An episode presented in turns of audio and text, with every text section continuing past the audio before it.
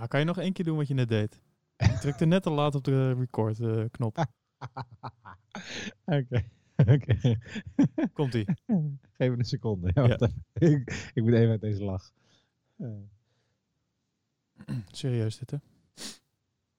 Have a holly jolly Christmas. The best time of. Hey, Elwin. Hey, Matthijs. Nou, het is wel leuk dat je dit eh, nu zingt. Want eh, eh, ik ben op een punt in mijn leven gekomen dat ik... eh, rechts van mij staat een pot met kruidnoten. Links van mij staat een kerstboompje verlicht. En voor mij staat een, een, een bord met erop een oliebol en poedersuiker.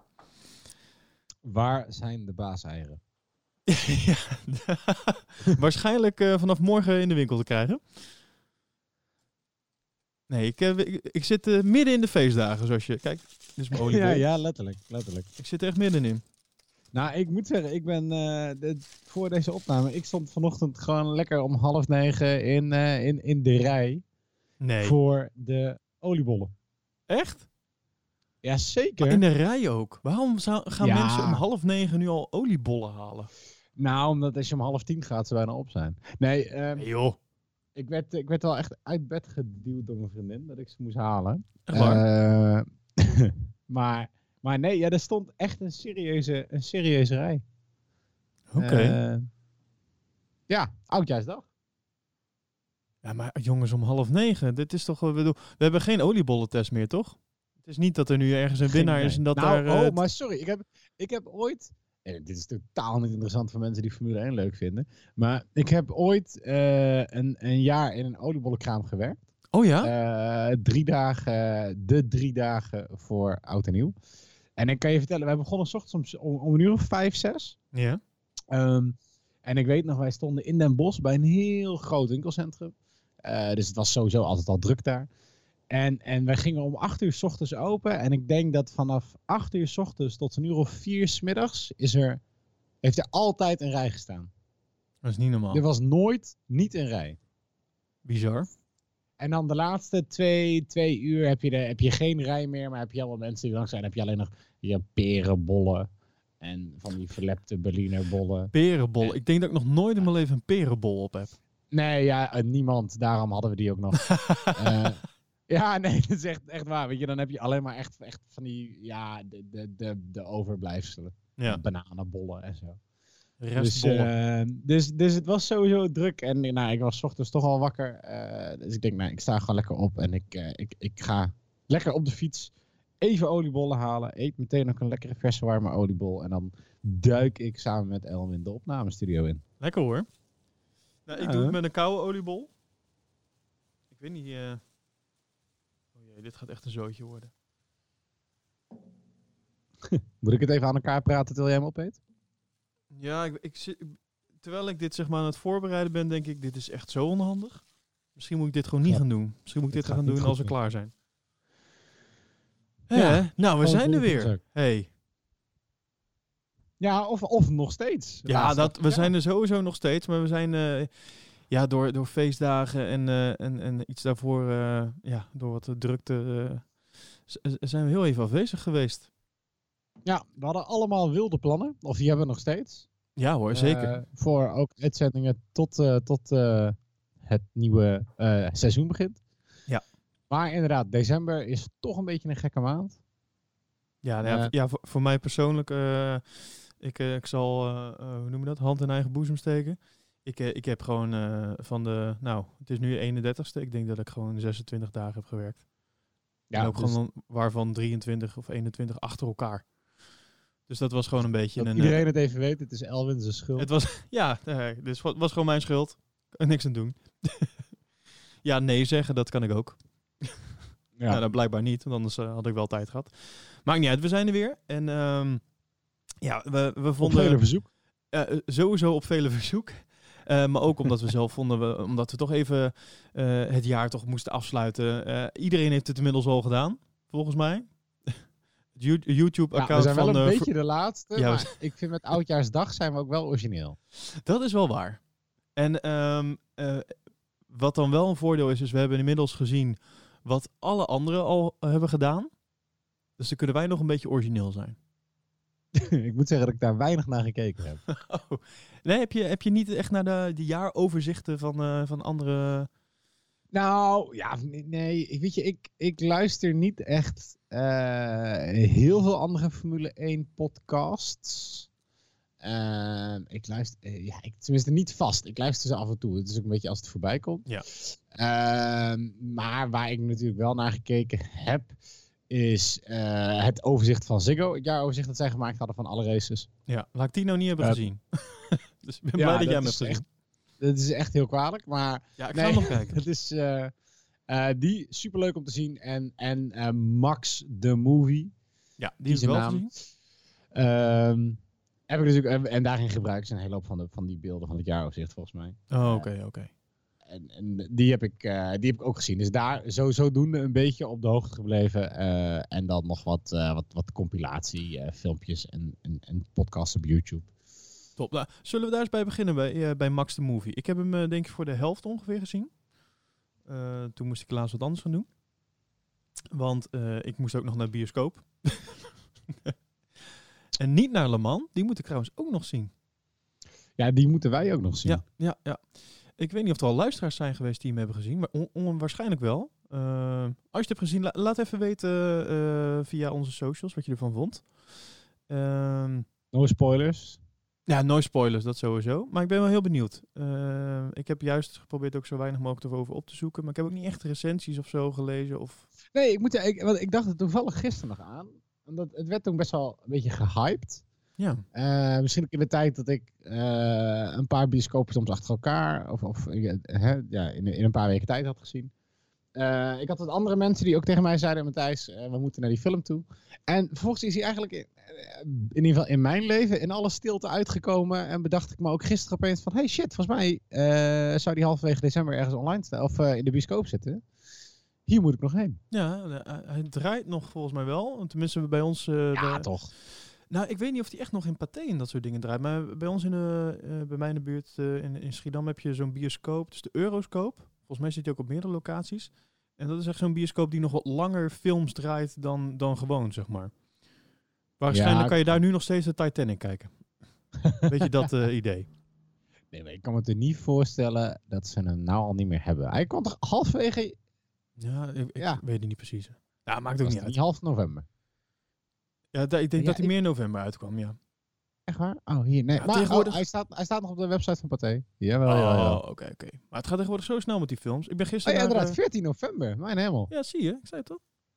Oeh. Oké, nou goed. Ik ben gisteren naar Star Wars geweest. Star Wars.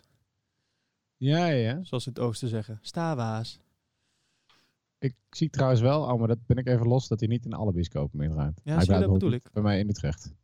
Ik denk dat er inmiddels eh, in elke zaal eh, van elke bioscoop, bioscoop nu Star Wars draait.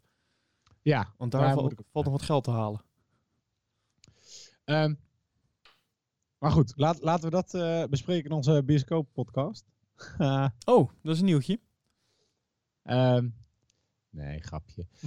maar wat vond jij van Max the Movie? Het jaar over het exclusieve eindejaars interview met Max Verstappen. Dat ga ik jou vertellen na de intro.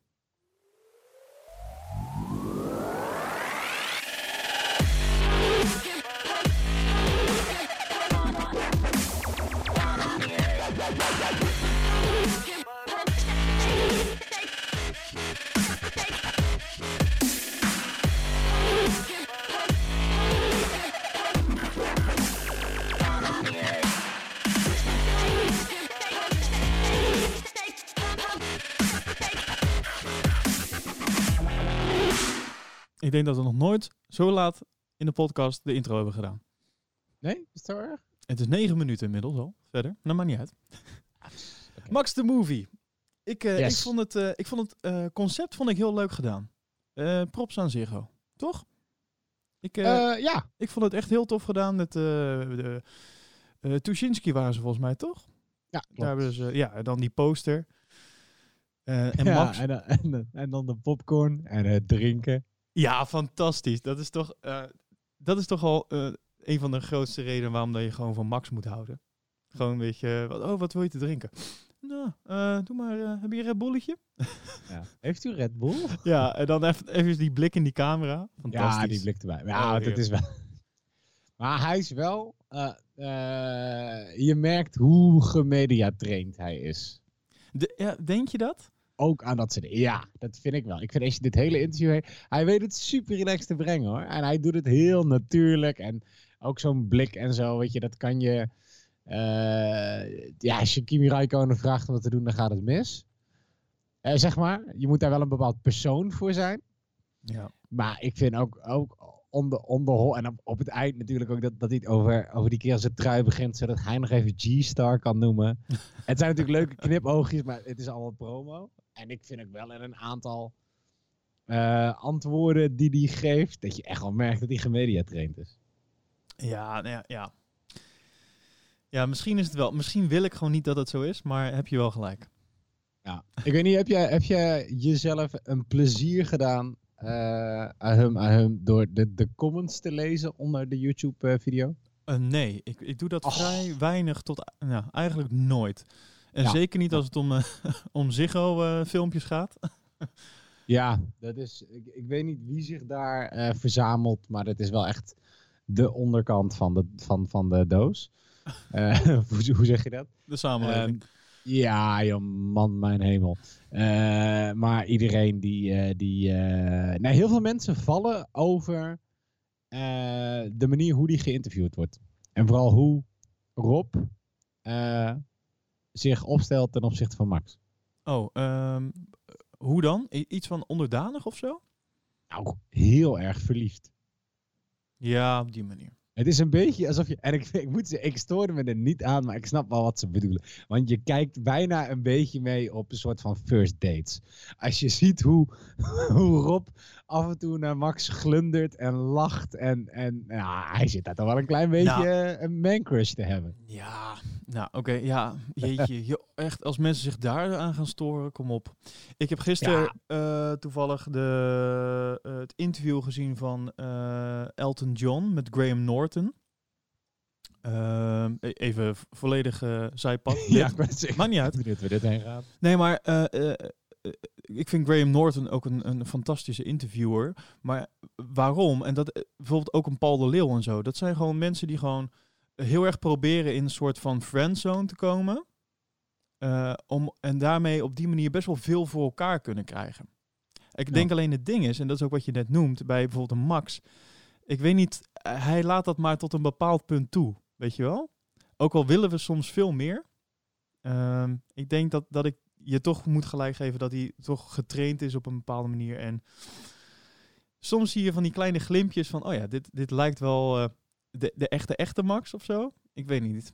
Ik, ehm, ik, als ik het interview dan zie, dan, dan denk ik van, dan het gevoel wat het mij geeft in ieder geval is van, ah ja, ik, ik zie nu de echte Max, zeg maar. Dat wil ik ook eigenlijk geloven.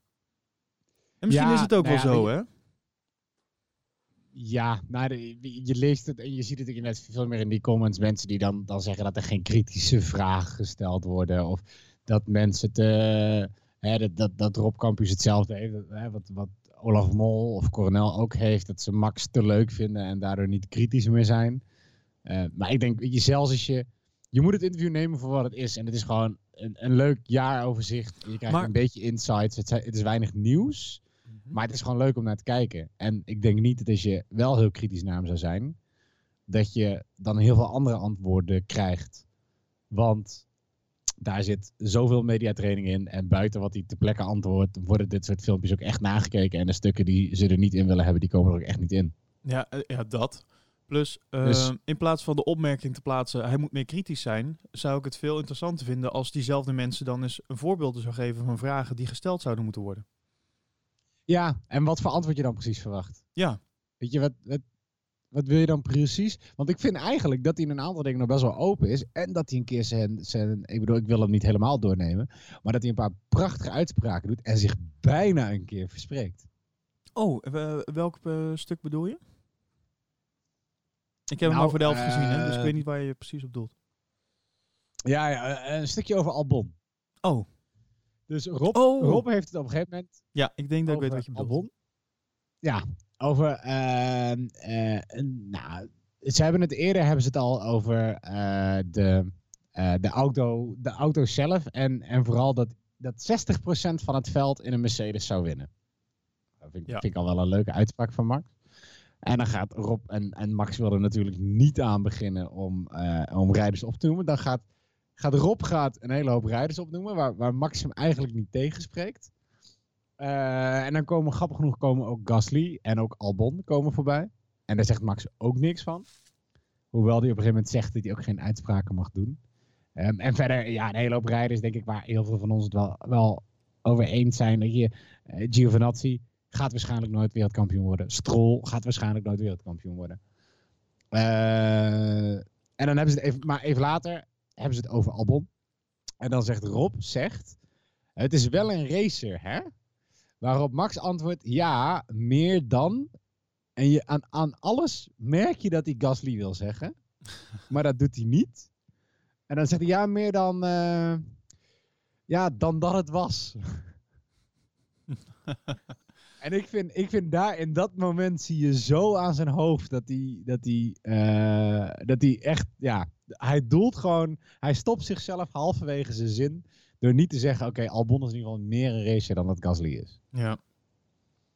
Ja, weet je, ik vind het ook. Ik vind het een non-discussie om het te gaan hebben over wie in het veld nou wel wereldkampioen zou kunnen worden en niet. Toch? Ik vind dat een, een, een nutteloze vraag. Ehm, ja en nee. Ja, wat, wat is je doel daarmee? Ja, dat weet ik ook niet precies. Maar dat vind ik ook met het feit dat, dat Max dus... En dat zegt hij wel heel slim. Ze hebben het over eh, 88 pols voor Lewis. En in plaats van dat Max dan zegt... Ja, eh, Lewis is ook wel heel goed. eh, dat hij die, die pols heeft gehaald. Zegt hij, nou ja, dan moet je ook wel heel lang in een dominante auto rijden. Ja. Ehm, Ja. Dat is ook heel slim. Waar hij ook helemaal gelijk heeft. Eh, maar ja, het feit blijft gewoon dat, dat Formule 1 een sport is waarbij het echt niet alleen op de, de coureur zelf aankomt. En dat er inderdaad meer mensen de mogelijkheid zouden hebben om wereldkampioen te zijn. Puur vanwege de auto die ze onder hun kont hebben. Dat benadrukt hij ook op andere vlakken. Ja. Ook gewoon eh, een- niet zozeer eh, als in dat je kan winnen met de beste auto, maar ehm, ook dat zeg maar. Hij heeft op een gegeven moment over de startprocedure. ehm, dat zeg maar hij altijd gewoon hetzelfde doet en hij daar maar een kleine schakel in is in hoe dat verder ja, goed of fout kan gaan. Ja. Dus daarom geeft hij er ook aan van ja, dit is gewoon het is het hele team zeg maar. Ja, toch vind ik hem daar dan misschien wel een klein beetje. en Hij zegt inderdaad wel, nou ja, hij doet altijd hetzelfde. Maar denk ja, goed. Maar als jij altijd hetzelfde doet en eh Albon start wel goed en jij start drie races achter elkaar verkeerd, ligt het dan allemaal aan jouw engineers? Of doe jij misschien toch niet altijd hetzelfde, ondanks dat je denkt dat je dat doet? Ja, ja, ik kan het niet beoordelen. Nee, ik ook niet. Maar het voelt een klein beetje dat ik denk, oké, eh, heb je nou een beetje een bord voor je kop? Of, of ben je zo overtuigd van jezelf? Eh, Ja. je, hij is supergoed, maar hij is ook nog geen wereldkampioen. Nee, nee ja, nee, dat klopt. En dat snap ja, maar dan snap ik wel dat mensen zeggen, oké, moet, je da- moet je daar niet kritisch zijn? Moet, moet een interviewer op dat moment ook niet zeggen, ja jongens, eh, Max, leuk en aardig, maar eh, waarom gaat het dan bij je collega wel goed in dezelfde auto? Ja, ja, ja, weet ik niet. Ik denk dat het eh, ehm, andere engineers, ehm, toch? Er zijn andere mensen die daarmee bezig zijn. Ja, ja, maar dan zou je toch niet zeggen dat het drie races achter elkaar misgaan? Ja, Je zet toch je beste engineers op je beste rijder? ja dat, dat gebeurt Die sowieso. vooraan Ja. start. I don't know, man. Nou ja, ik ook niet. Maar verder, het, is, het, het blijft een heel leuk eh, interview. Met wat ik vind de, de max-uitspraak van het jaar over Leclerc. Oh, vertel. Namelijk, het is geen pannenkoek. Oh ja, ja, ja. Het is geen. Wat ik wel een hele mooie manier vind om... eh, ja, Leclerc is wel goed, hè? Ja, het is geen pannenkoek. ja, mooi hè? Ja. Ja. Ik, het, het hoort er toch allemaal een beetje bij, toch? Ehm, Zeker. zodra je gewoon over dit gaat, eh, gaat, gaat praten, dan, dan, dan ben je gewoon op je hoede. Dan wil je niet de verkeerde dingen gaan zeggen. Ehm, en het blijft ook een mind, eh, mind game. Ook buiten de race om, zeg maar. Nou ja, weet je wat ik dan wel mis? Is je hebt bijvoorbeeld dus... eh, Wat ze er even uitpakken is natuurlijk Ferrari en het feit dat... ehm, Max uh, volgens die uitspraak heeft gedaan over vals spelen. Ja. Uh, en uh, hij is heel snel, hij, hij wil daar helemaal niks over zeggen. Hij mag daar waarschijnlijk helemaal niks over nee. zeggen. Hij heeft tien keer op het hart gedrukt daar alsjeblieft niks meer over te zeggen. Omdat een hele hoop mensen in Italië heel lang heel erg boos zijn geweest. Ja. Um, maar wat ik dan een beetje mis, maar het zou kunnen dat, dat ze die vraag wel wilden stellen, maar dat het gewoon weg niet mocht. Uh, is dat uh, ja, nu al een hele tijd in het nieuws ook de ronde gaat sinds die uitspraak dat Max daarmee de glazen heeft ingegooid bij Ferrari. En dat hij niet of bijna nooit meer de kans heeft om voor Ferrari te rijden, omdat ja. hij zich dusdanig slecht heeft uitgesproken. Je, vraag ook dat dan. Vraag dan aan Max. En dat vind ik dan wel weer veel kritischer. Oké, okay, maar heb je, heb je het idee dat, dat je hiermee dus inderdaad je ruiten ingooit? Uh, niet dat ik denk dat je een recht antwoord krijgt, maar toch. Nee, maar ik denk ook niet dat het zo is. Ik denk, uh, Ferrari wil ook gewoon de beste coureur hebben voor in die auto om te kunnen winnen, toch? Ja. Denk ik hoor. Misschien. Ik weet niet of ze met, met Leclerc heel veel slechter. Nee, daarom. Ze hebben Leclerc voor vijf jaar vastgelegd nu. Ja, daarom. Daarom, dus uh, ja. Ik weet niet. Dat, ik vind dat soort dingen altijd een beetje, een beetje lastig. Waar ligt de grens tussen uh, sensatie zoeken en gewoon uh, diepgaande gesprekken voeren en, en serieus wat meer te, te weten komen over, over de coureur of snap je? Ja. En dat is zeg maar waar, waar je het dus net over hebt, over die reacties. En dan, dan willen, wil ik graag verder. maar die reacties met onder die filmpjes. Ze zeggen van ja, maar hij is niet kritisch genoeg. Uh, ik denk dat ze eigenlijk zeggen: uh, we vinden het niet zo sensationeel. Snap je? Mensen mm -hmm. zoeken allemaal dingen, heb ik het idee. Pas als het smeuig wordt, wordt het interessant. Ja. ja. Nou, en dat vind ik niet. Ik vind, ik vind dit interview, voor zover ik het heb gezien, tot de helft ongeveer, uh, vind ik juist leuk, omdat je op een veel relaxtere manier met een coureur gaat kijken naar uh, even terugkijken op het seizoen en even uh, op sommige punten iets meer uitleg nu krijgt over hoe die zich toen voelde of wat daar toen precies gebeurde. Weet je wel? Dat vind ik Ja. wel interessant genoeg. Ja, nee, maar ben ik, eh, ben ik het met je eens. Daarom, ik vind het ook echt een aanrader hoor. Ik, ik ben het ook niet helemaal met de kritiek eens. Ik probeer alleen meer te, meer te achterhalen waar die eh, vandaan komt. Ja. Eh, en ik, ik vind het inderdaad ook leuk. Ik vind ook leuk de reacties die je ziet van Max. Want wat ik me wel eens of vroeg, is: ehm, denk jij dat Max ooit een, ehm, een race terugkijkt? Bedoel, hij kijkt eh, dus hun eigen data en dat soort dingen. Daar gaan ze helemaal, helemaal eh, eh, met, een, met een kam doorheen om te leren. Ja. Maar zou hij de, de uitzending ooit met commentaar terugkijken? Nee. om te horen. Want ik vind het dus superleuk. Je, je hebt een aantal reacties, zeker natuurlijk met, met, met, met Olaf en zo, die je helemaal enthousiast hoort eh, eh, tijdens de stukjes die ze kijken. En dan zie je hem ook wel, wel lachen en wel... Ja, het, het ziet er echt uit alsof Max het ook voor, het- voor het eerst ziet. Ja, dat en dat, geloof ik dat ook vind ik wel. wel heel leuk, die reacties. Ja, nou, dat geloof ik ook wel. Hoe puur dat is. Ja. Ja, en, en ook het enthousiasme van, eh, van Olaf en, en, en Jack. Weet je, het is ook Nederlandse televisie, toch? Laat ook een beetje dat enthousiasme gewoon... dat maakt het toch ook Ja. leuk, op een bepaalde manier? Ja.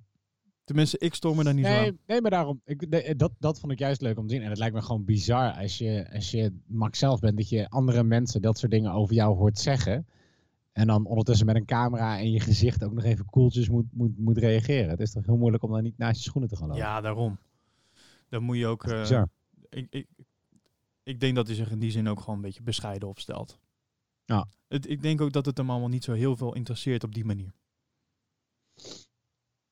Dus, Nou. maar ja. En voor de mensen die eh, zich storen aan eh, Olaf en Jack, weet je, je hoeft niet te kijken. Je kan altijd nog naar de BBC. Dat is ook wel heel En dan waar. krijg je heel veel eh, lof over Lewis Hamilton te horen namelijk. Want ja, dat is hun rijder, om het zo maar even te zeggen. Ja. Dus ja. Oh, daarover gesproken. Ehm, ik, luister je wel eens de Checkered Flag podcast? Nope, Ik ga nu gewoon even eh, reclame maken voor eh, de con-collega's. kan het zeggen. Nou ja, dat, eh nou ja, onzin. Ik ben niet bang voor concurrentie. Nee, dit is juist een toevoeging. Ik vind het echt een toevoeging. Ik vind een, de BBC-podcast vind ik echt heel leuk om te luisteren. Ze doen eh, elk weekend altijd een, eh, hoe heet dat? Na de kwalificatie maken ze volgens mij een podcast. Dan na de race. Eh, volgens mij zelfs na de vrije training, weet ik niet uit mijn hoofd. Maar ze hebben nu een heel leuk eh eindejaarsding ook gedaan. Een soort eh, Formule 1 quiz. Met alle commentatoren en alle mensen die altijd bij de podcast aanschuiven. En Ja. is, vind ik een aanrader om te luisteren. De Checkered Flag podcast. De aflevering heet The Big F1 Quiz of the Year. Oké, dus de volgende keer als wij ehm, eh, weer te laat zijn met het opnemen van een uitzending, ja, dan ga je- over naar het kanaal. Ga daar vooral even naar kijken. Wat, eh, wat ik onder andere wel, eh, eh, wat ik daar leuk aan vind, is dat er best wel wat uitgesproken meningen zijn.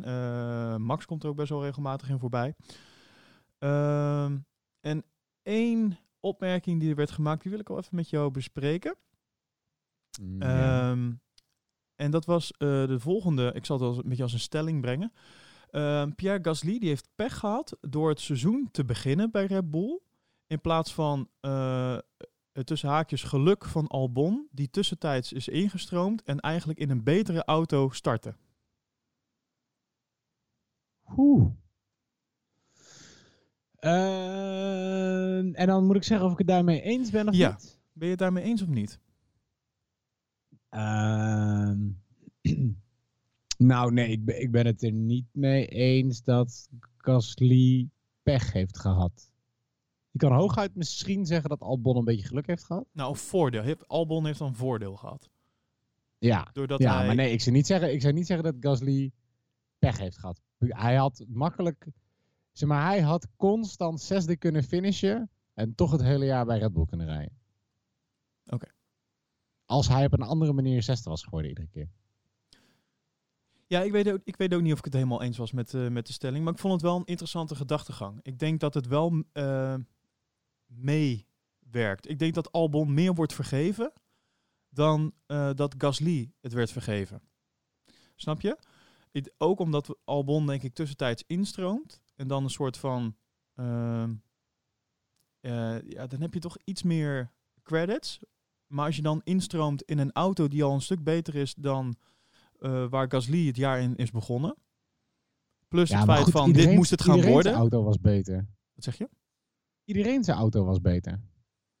Op dat moment. Ik bedoel, na de zomerstop waren die Ferraris onvergeeflijk snel. Ja, Dus eh, ja, je auto is beter, maar in verhouding tot de rest. Tuurlijk, het gat is, was aan het eind van het jaar, in ieder geval richting Mercedes, kleiner dan aan het begin van het jaar. Ja. Maar daarom zeg ik, ik denk dat Gasly had makkelijk iedere keer. Maar als Gasly iedere keer zesde was geworden, eh vier seconden achter Max, en vier seconden is al veel, dan was er geen probleem geweest. Dan hadden ze hem gewoon zesde laten rijden. Maar hij werd nu zesde, vier seconden voor de McLaren. En Ja. 40 seconden achter Max. Weet je wel, ja, dan rij je gewoon niet. eh, dan rij je die auto niet op wat hij eh, wat die, wat die moet kunnen. En ik denk dat hij daarom is afgestraft. ja nou, ik, ik ben het eh, gedeeltelijk ook met je eens, ja. Eh, maar ergens hink ik ook een beetje op de gedachte van ja, ik denk dat Gasly de druk veel groter had, omdat zeg maar, hij moest het gaan doen na Ricciardo. En ehm, als je dan een seizoen begint in een auto die nog niet optimaal is, eh, en pas echt richting de zomerstop een keer, of eigenlijk vooral na de zomerstop, het pas echt goed ging doen. Ja, ik denk dat hij daar ook wel slachtoffer van is geweest. Al is het maar een klein beetje. Ja, nou, aan de andere kant. ehm, en dat zegt, eh, zegt Max ook in eh, Max the Movie. ehm, hij heeft gewoon nog wel een plekje bij Toro Rosso. Ja. Er zijn zat andere coureurs die eh, werden geüpgrade naar een, een, beter team. En die het daar niet haalden en die gewoon uit Formule 1 werden geschopt. Ja, nee, daar heb je gelijk in.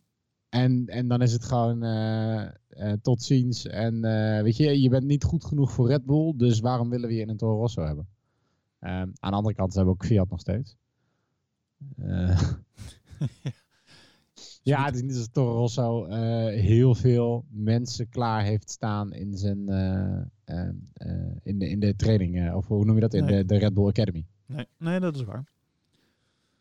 Ehm, En, en ja, eh, ook dat, weet je, Gasly die is, eh, even kijken, want die begon natuurlijk in een mindere auto, maar die begon, zijn eerste race was die elfde, toen was hij achtste, nou dat hadden allebei eigenlijk zesde moeten zijn. Eh, in Frankrijk was hij ook tiende, in Oostenrijk was hij zevende, in Canada was hij achtste, in Duitsland was hij veertiende.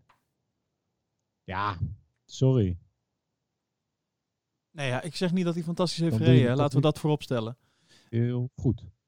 Dus ik, eh, dat, eh, Nee. dat wil ik ook zeker niet zeggen. Maar ik denk dat eh, ehm, Albon meer is vergeven. Maar aan de andere kant, als ik Albon zie rijden, ehm, geeft het mij ook een veel steadier en, eh, ehm, ja, gevoel, om het zo maar te zeggen. Ja. Ja. Ik heb er meer vertrouwen in als ik hem zie rijden. Laat ik het zo zeggen. Ben ik met je eens. Dus, oké. Ehm, kerst. Ik wil nog even over kerst hebben. Ja. Ja, oké. Ja. Ehm, heb jij nog iets eh, Formule 1 gerelateerds onder de boom gehad? Ik heb helemaal niks onder de boom gehad. Heb je niks onder de boom gehad? Nee. Oei, oké. Nee, Is ben je helaas. stout geweest Nee, dit jaar? Ook niet van Sinterklaas? Eh, nee, wel voor Sinterklaas, maar dat stond niet onder de boom. Eh, nee, mijn kerstcadeautjes werden dit jaar gesponsord door Williams. Eh, en dat is eh, rust, reinheid en zeker niet veel geld uitgeven. Dus ik had helemaal niks. Ah, oké, oké, oké. Ehm, en, en Formule 1 eh, gerelateerd Sinterklaas? Nee, ook niet. Nee, Hmm. gewoon niet. Oké, oké. En jij? Ja, ik wel. Ja. Ik ga eens even kijken of ik het kan vinden. online. Ik heb een heel mooi eh, shirt gekregen. Een shirt? Ja, ik heb een, eh, een eh, Red Bull Racing Max Verstappen shirt gekregen. Mijn hemel. Ja. Elwin. De echte? Eh, de officieel Red Bull Racing Puma-achtige shirt. ik, ik, ik zou niet weten trouwens. ik ga eens even proberen om, hem, om te vinden. Ja. Trouwens, voor, voor iedereen die, die alsnog iets van Red Bull wil aanschaffen. Eh, qua, qua kleding, merchandise. Ik zou nu even naar de Verstappen shop gaan. Want daar is gewoon alles 50% natuurlijk.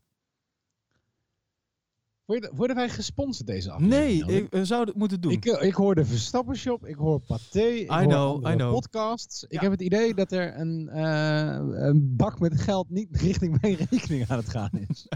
ja, maar ik geloof heel erg in het principe van geven. ja, ja, ja, ja. En dan uiteindelijk dan krijgen we wel iets.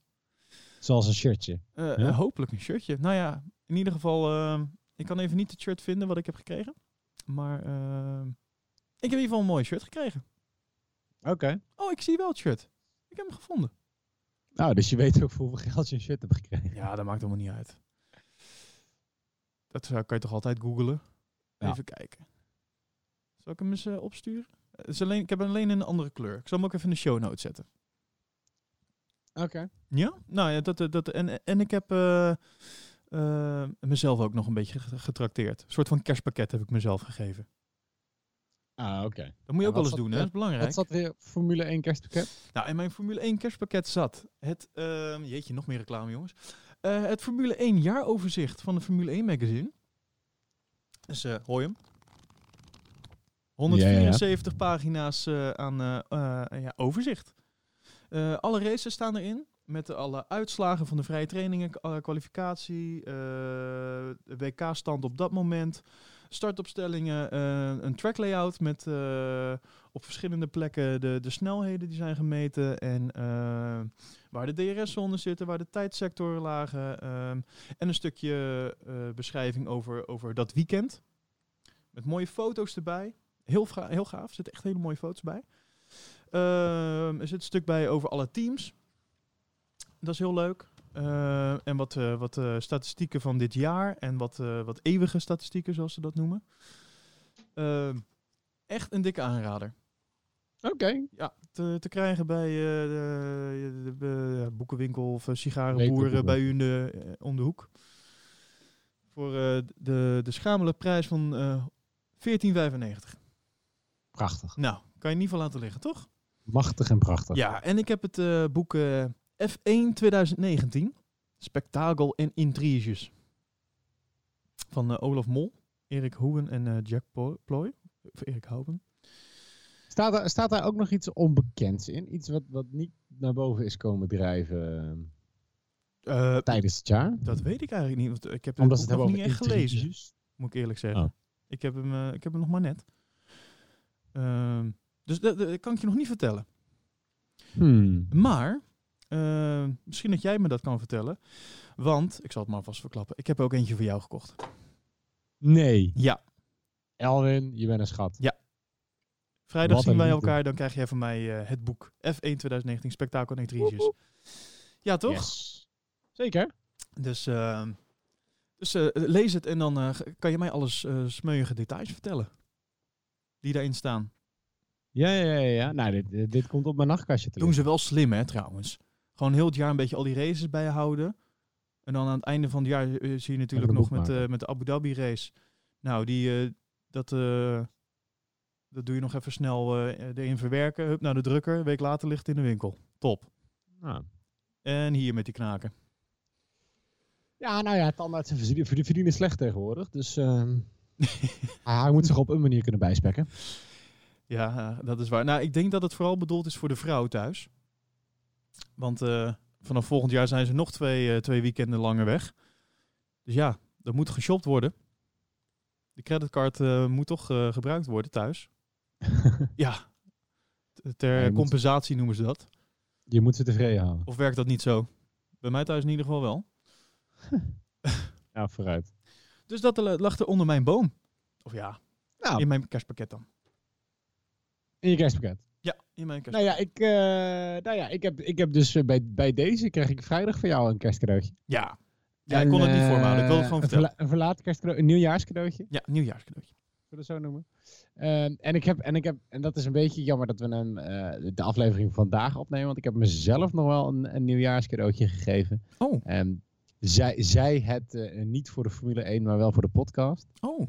Want ik krijg, nadat wij eh, nu officieel een heel seizoen podcast hebben afgetikt, afge, eh, een, eh, een nieuwe microfoon.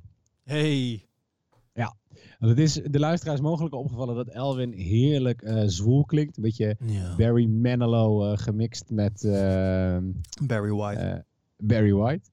En Ja. dat ik klink alsof ik praat door een sardienblikje. dus vanaf, vanaf volgend jaar is dat, eh, is dat helemaal gefixt. En eh, ik, eh, ik denk dat ik nog één podcast, een nieuwspodcastje met deze microfoon draai. Ehm, en, en daarna ehm, ben ik ook gewoon, gewoon mooi en, en diep te verstaan. nou, gek. Dus dat is mijn cadeautje aan mezelf, voor de luisteraars. Voor de luisteraars ook.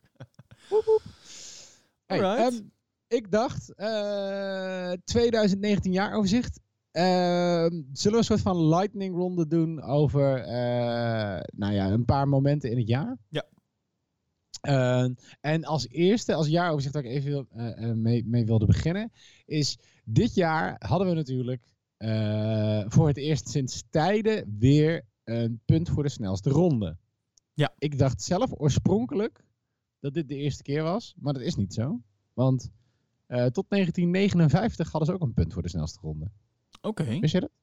Ja. Nee, dat wist ik helemaal niet. En nou, er is één keer eerder is het voorgekomen dat deze punten cruciaal waren. Eh, Mike Hawthorne eh, eh, won de titel van Sterling Moss vanwege de punten die, die hij behaalde door de snelste rondes. En in theorie was in 2008 was het, was het ook anders geweest. Want in 2008 had in plaats van Lewis Hamilton Felipe Massa gewonnen. Ja. Als ze deze punten hadden gehad. Oh, Oké. Oh, dat is interessant. Dit jaar heeft het geen ene fuck uitgemaakt. Wat vind jij? Dat vind ik Moet- niet helemaal waar. Eh, want eh, het maakt misschien niet uit in de eindstand, maar in de race heeft het nog wel leuke dingen opgeleverd, toch? Nou ja, maar dat is het dus. Hè. Daar, daarom ben ik benieuwd. Vind jij, moeten we eh, was dit gewoon een goede beslissing? Gaan we hiermee door? Eh, Eh, ja. Of vind jij eh, dat het waardeloos is of dat we het moeten veranderen? nee, ik vind het wel een toevoeging. Ehm, ik vind één punt misschien een beetje schamel. Misschien als we dat iets omhoog gooien, dat het dan nog meer losmaakt, toch? Dan, ja, ik, dan gaat ja, het... ik ben... Ja? Ja, sorry. Dames gaan voor. Ja, ga dan maar. Oké. Ik, ik ben zelf nog steeds een enorm voorstander Eh, van het feit dat we. Eh, de regel is natuurlijk: je krijgt het snelste punt als je in de top 10 eh finisht. Ja. En je de snelste ronde hebt. Ik vind dat je het punt moet krijgen als je de snelste ronde hebt van de onderste 10. Oké. Dat lijkt mij dus echt veel cooler. Eh, Vertel. Want dan kan je, nou gewoon, omdat je, dan kan je dus in, in de, whatever, je hebt een slechte race of je crasht of er gebeurt iets waardoor jij in de bottom 10 komt. Maar je hebt wel zoiets van, nou ja, weet je, kom, we, we gokken het er gewoon op. Nou is natuurlijk wel daar in het middenveld, aan de onderkant van het middenveld, zijn, zijn de gaps vaak veel minder groot. Ja. Maar juist daarom denk ik dat mensen moeten gewoon veel harder proberen. Want je kan niet zeggen, oh, ik heb nog maar voor drie rondes benzine en ik heb toch ruimte. Ik wissel wel eventjes naar eh, de rode bandjes en ik, eh, ik zet de snelste ronde neer. Eh, maar je gaat echt of tijdens de race je best moeten doen, of je gaat een groot risico moeten nemen. Eh, of ondanks dat jij een hele slechte race hebt gehad en jij in de, de onderste 10 zit, heb je nog wel de kans om even snel een puntje te pakken. Ja. Aan de andere kant kan je dan ook krijgen dat de onderste 10 de ene laatste ronde massaal de pits induiken. Ja, voor die ene punt. Bedacht ik me later. Ik Ja. denk dat je het gewoon eh, in het algemeen moet, moet houden. Dus niet als je bij de eerste tien finish, maar gewoon in het algemeen. Ja. En ik denk dat je de punten ook wel iets omhoog mag gooien. Maak er eens drie van, of zo. Laat Ja, het, laat het iets meer uitmaken. Weet je, nu maakt het zo weinig uit. Ja, maar ik denk dat je dan ook weer.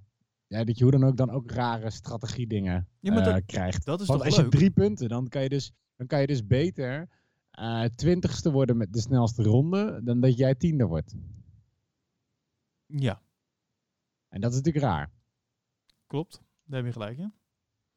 Laten we hier nog even iets dieper over nadenken. Ja. Oké.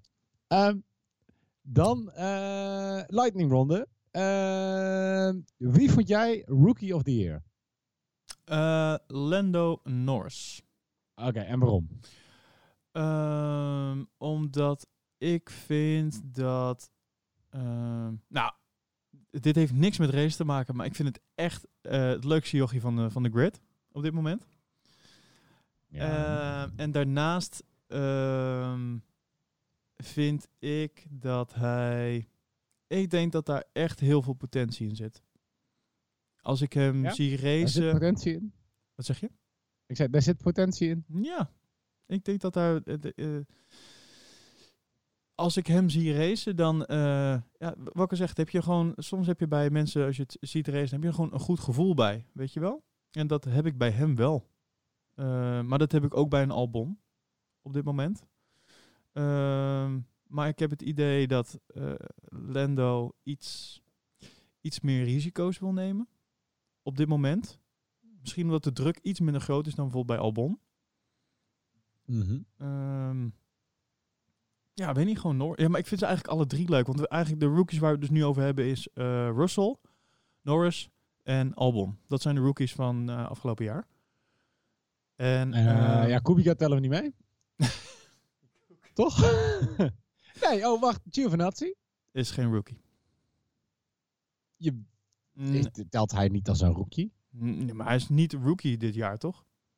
Ja, maar hij heeft toch eerder geen vaste plek gehad? Hij, heeft toch alleen maar, is toch alleen maar ingevallen? Of herinner ik me Volgens hem nou compleet verkeerd? Mm, Dat denk ik wel. Eh, even kijken. Nee, zie je. In 2018 was hij alleen de test- en reservecoureur. En eh, nee, hij is wel een rookie. nee, ik vind Giovinazzi geen rookie. Of ik ben nou gek? Waarom? Is het zijn haar? Heb je iets tegen mensen met lang haar? Elwin, heb je een hekel aan mij? Nee. nee, ja, eh, volgens mij valt hij niet onder de rookies, toch?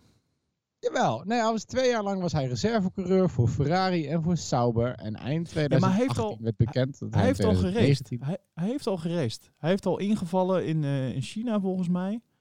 Nee, in 2017 heeft hij twee Grand Prix gereden. Ja, dan ben je geen Eh, in rookie plaats meer. van eh Wehrlein. Ja, dan ben je dus geen rookie meer. Nou, dat vind ik niet tellen, want Russell heeft toch ook al een keer een inval gedaan? Eh, waar? In welk huis? nee, ja, de- ik niet.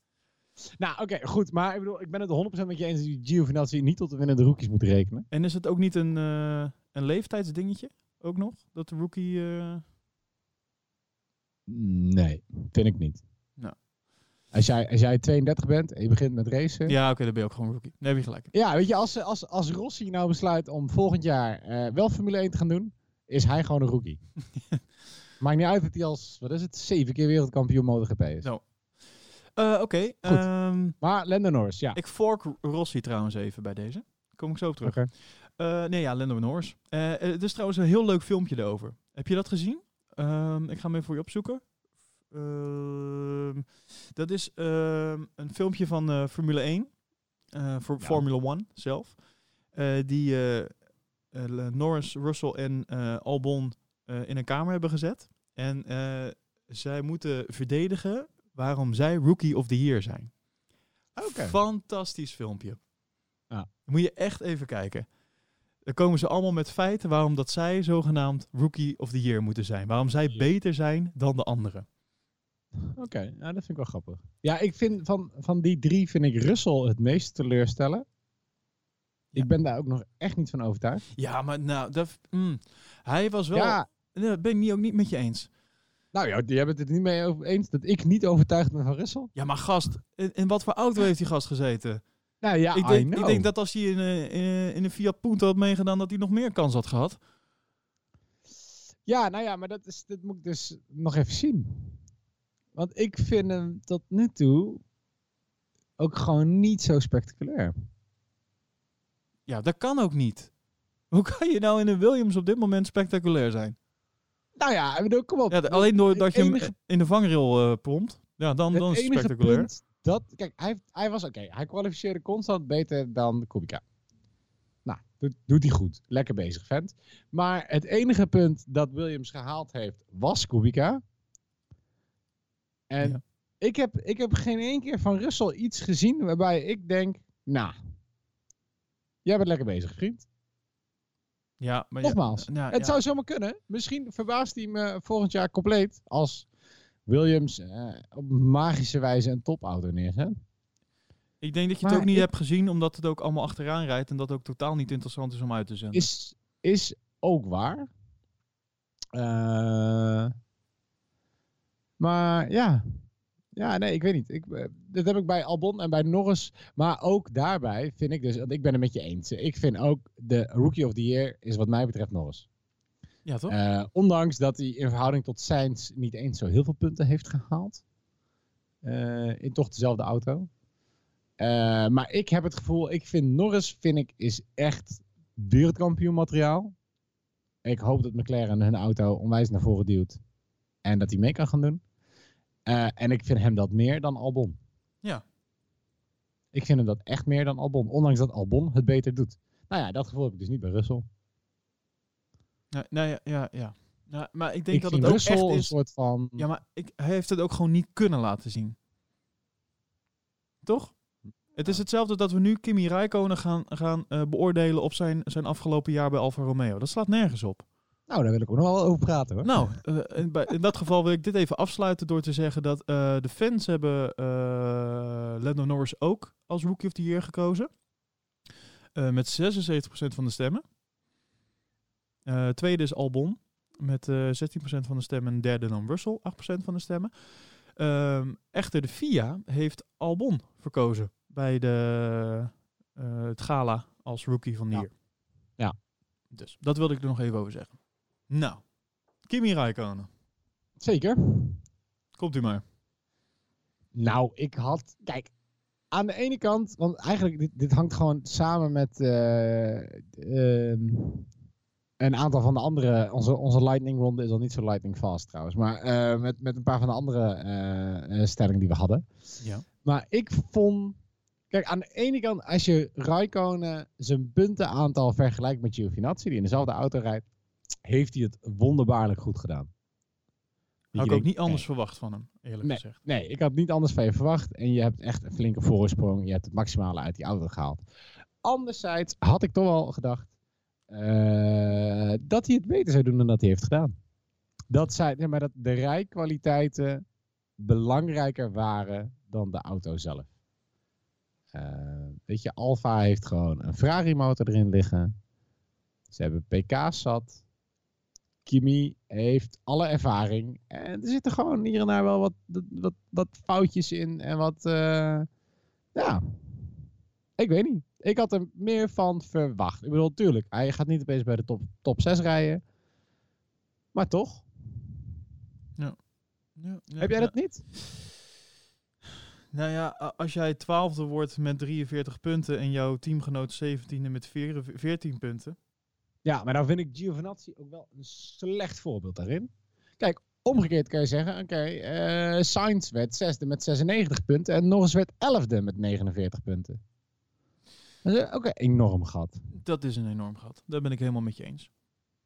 Dus, nee, ik vond echt, ik had meer verwacht van de rijkwaliteiten van Raikkonen. Ik had verwacht dat het een groter verschil ah, had gemaakt, maar dat hij toch wel top 10 had kunnen eindigen. Mm, ja, ja, maar misschien da- daar is het denk ik toch de auto net niet voor. Ja, of misschien is de auto is, inderdaad dus daar heeft Alfa Romeo gewoon een poepchassis gemaakt. Dat kan. Ja, ik denk dat Nou, dat het gewoon is. omdat ze roesten. Ik, ik, wat ik wel moet zeggen, ik vind het bij zulke soort eh, teams vind ik het moeilijker om te beoordelen, omdat zulke soort teams worden ook gewoon minder in beeld genomen. Je hebt veel minder feeling bij wat, wat die gasten doen in een auto over een hele race, snap je? De eerste zes Ja, worden nou daar vind, ik, ehm, daar vind ik Drive to Survive dan dus wel weer ideaal voor. Ja, Want dat heeft mij vorige keer ook zoveel meer respect en insight gegeven bij McLaren en bij Racing Point en zeker bij Haas. Eh, gewoon omdat je inderdaad alles achter de schermen ziet. En dan zie je ook veel meer of, hè, ondanks alle tegenslagen en gebeurtenissen en whatever er aan de hand is, of zij ehm, ehm, ge- gemaximaliseerd hebben wat ze, wat ze konden doen. Of niet. Nee, daar Eh, heb je gelijk in. Ehm, dus ja, ik, ehm, als we het dan nou weer even over Alfa hebben, ik, eh, ja. Ik, ik weet niet of Kimi het maximale uit de auto heeft gehaald. Dat is denk ik een beetje de graadmeter inmiddels. Hè? Dat wat Max doet in een Red Bull, namelijk het, eh, alles uit het materiaal halen wat erin zit en het eigenlijk overstijgen. D- dat is zeg maar wanneer Ja. je topklasse bent. Nou ja, hoe, hoe, weet je wanneer iemand dat doet? Hoe weet je Dat, dat? is een beetje de vraag. Kijk, het is bij Max is het heel duidelijk dat de Red Bull minder goed is dan de Mercedes en dan de Ferrari. Dus als hij voor Mercedes of voor Ferrari ligt, zeggen we hij overstijgt zijn materiaal. Ja, hoe werkt dat bij Alfa? ja. Want het is voor mij niet duidelijk hoe goed Alfa is. Ik bedoel, volgens mij ze zijn slechter dan Renault's. Eh, mogelijk slechter dan Toro Rosso. McLaren is wel beter dan een Alfa. Ja, ik bedoel, ik kan dat niet vergelijken met elkaar. nee, daarom. Dat is gewoon In zoverre kan je zeggen, hij eindigt boven Fiat. Dus hij rijdt beter dan Toro Rosso in een auto die slechter is. Nou, dat vind ik netjes. Vermoedelijk. Toch? Ja, misschien hebben ze ook een vals spelende Ferrari motor erin liggen. Zie je, het is moeilijk. Het is moeilijk. Zullen we, zullen we doorgaan? Ja. Oké, Veteran of the Year. oh, Veteran of the Year. Ja, ja want die, die doen ze bij de FIA niet. Sebastian Maar ik Vettel. vond hem wel leuk. Ja? Nee, nee. Nee. Eh, Veteran of the Year. Eh, nou, volgens uh, Doorbos zou het waarschijnlijk Robert Kubica zijn. Hij heeft hem namelijk een 11 gegeven. Heb je dat gezien? Nee. Heb je de, laatste Formule 1 café, daar dan mochten ze allemaal cijfers geven aan alle, alle eh, rijders. Ja, en Doorbos had Kubica een 11 gegeven. mijn hemel. Doornbos. Sorry, op een gegeven moment... Ja, weet je, hij, zat, hij was driver van eh, Driver of the Day. En hij had hier een prijs en daar een prijs. En op een gegeven moment ben ik er een beetje klaar mee. Met Kubica. Ja. Zo, op een gegeven moment voelde het, vind ik het gewoon bijna zielig of zo. Dan voelde het alsof hij alleen maar dit soort prijzen krijgt. Want eh, met alle respect, we hebben iemand met een handicap in een Formule 1 auto zitten. Nee, dat is zo. Ik, ik vind het juist, juist dat je iemand dan, dan voelt het bijna alsof je iemand belachelijk aan het maken bent. Kubica, super tof dat je het gedaan hebt. Weinig mensen die dat kunnen. Je was een onwijs talent. Je bent dat nog steeds als het gaat om ehm, eh, eh, andere race disciplines. Zoals eh, rallyrijden en zo. Daar wint hij ook gewoon nog. Eh, maar sorry vriend, met de auto die je had en het gebrek aan een stuur dat aan jou is aangepast. En de race die je hebt, was het gewoon niet heel briljant. Maar je zegt, is, is het belachelijk maken of is het gewoon respect? Is het respect voor dat... Nee, ja, ik vind dat dus op een gegeven moment dat dat te ver doorslaat. Oké. Ik vind dat op een gegeven moment vind ik dat. eh, ja, maar dat is voor mijn gevoel, hè? Want natuurlijk, het is Ja, ja. respect, maar ja, we geven je een 11. Ja, sorry. Ja. Met, ja, met, we- ja, ik weet niet. Ik vind, dat, ik vind dat gewoon. Dan wordt het, eh, wordt het, wordt het op een gegeven moment wordt het gewoon, ja, dom. Maar ook, ook dit weer. Wa- wat, wat hadden we meer verwacht met de auto waarin hij zit dan waar hij nu is geëindigd? Nou, daarom. Ik vind dat je zegt, gast, je hebt een punt gehaald. En Russell, die sommige mensen dus denken dat een ontzettend goede rookie is, heeft dat niet gedaan. Super knap. Daarom. Echt bizar knap dat jij een punt hebt weten te halen. Nee, ik meen het. Ik meen het. nou, zo klinkt het niet. Nou ja, sorry, dat is dan, dat is dan, dat komt door die microfoon.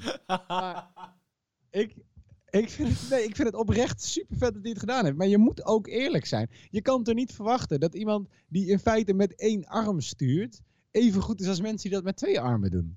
Dat, Ja, mag dat je ook niet, verwachten. Dat vind ik niet, niet realistisch. Er zijn ook mensen die eh, met eh, eh, die geen onderarm hebben en die gewoon uit een glas kunnen drinken, wat ik niet zou kunnen. Nee, Snap maar je? goed, dat is net wat anders dan een Formule 1 auto besturen, Elwin. Nou ja, dat, eh, wat ik bedoel is je pas je aan op, op, op wat je kan. En, en hij kan dingen op een bepaalde manier die ik niet kan, omdat hij heeft geleerd om ze anders te doen. Toch? Ik weet niet of ik dat kan vergelijken met hoe makkelijk ik dingen kan doen.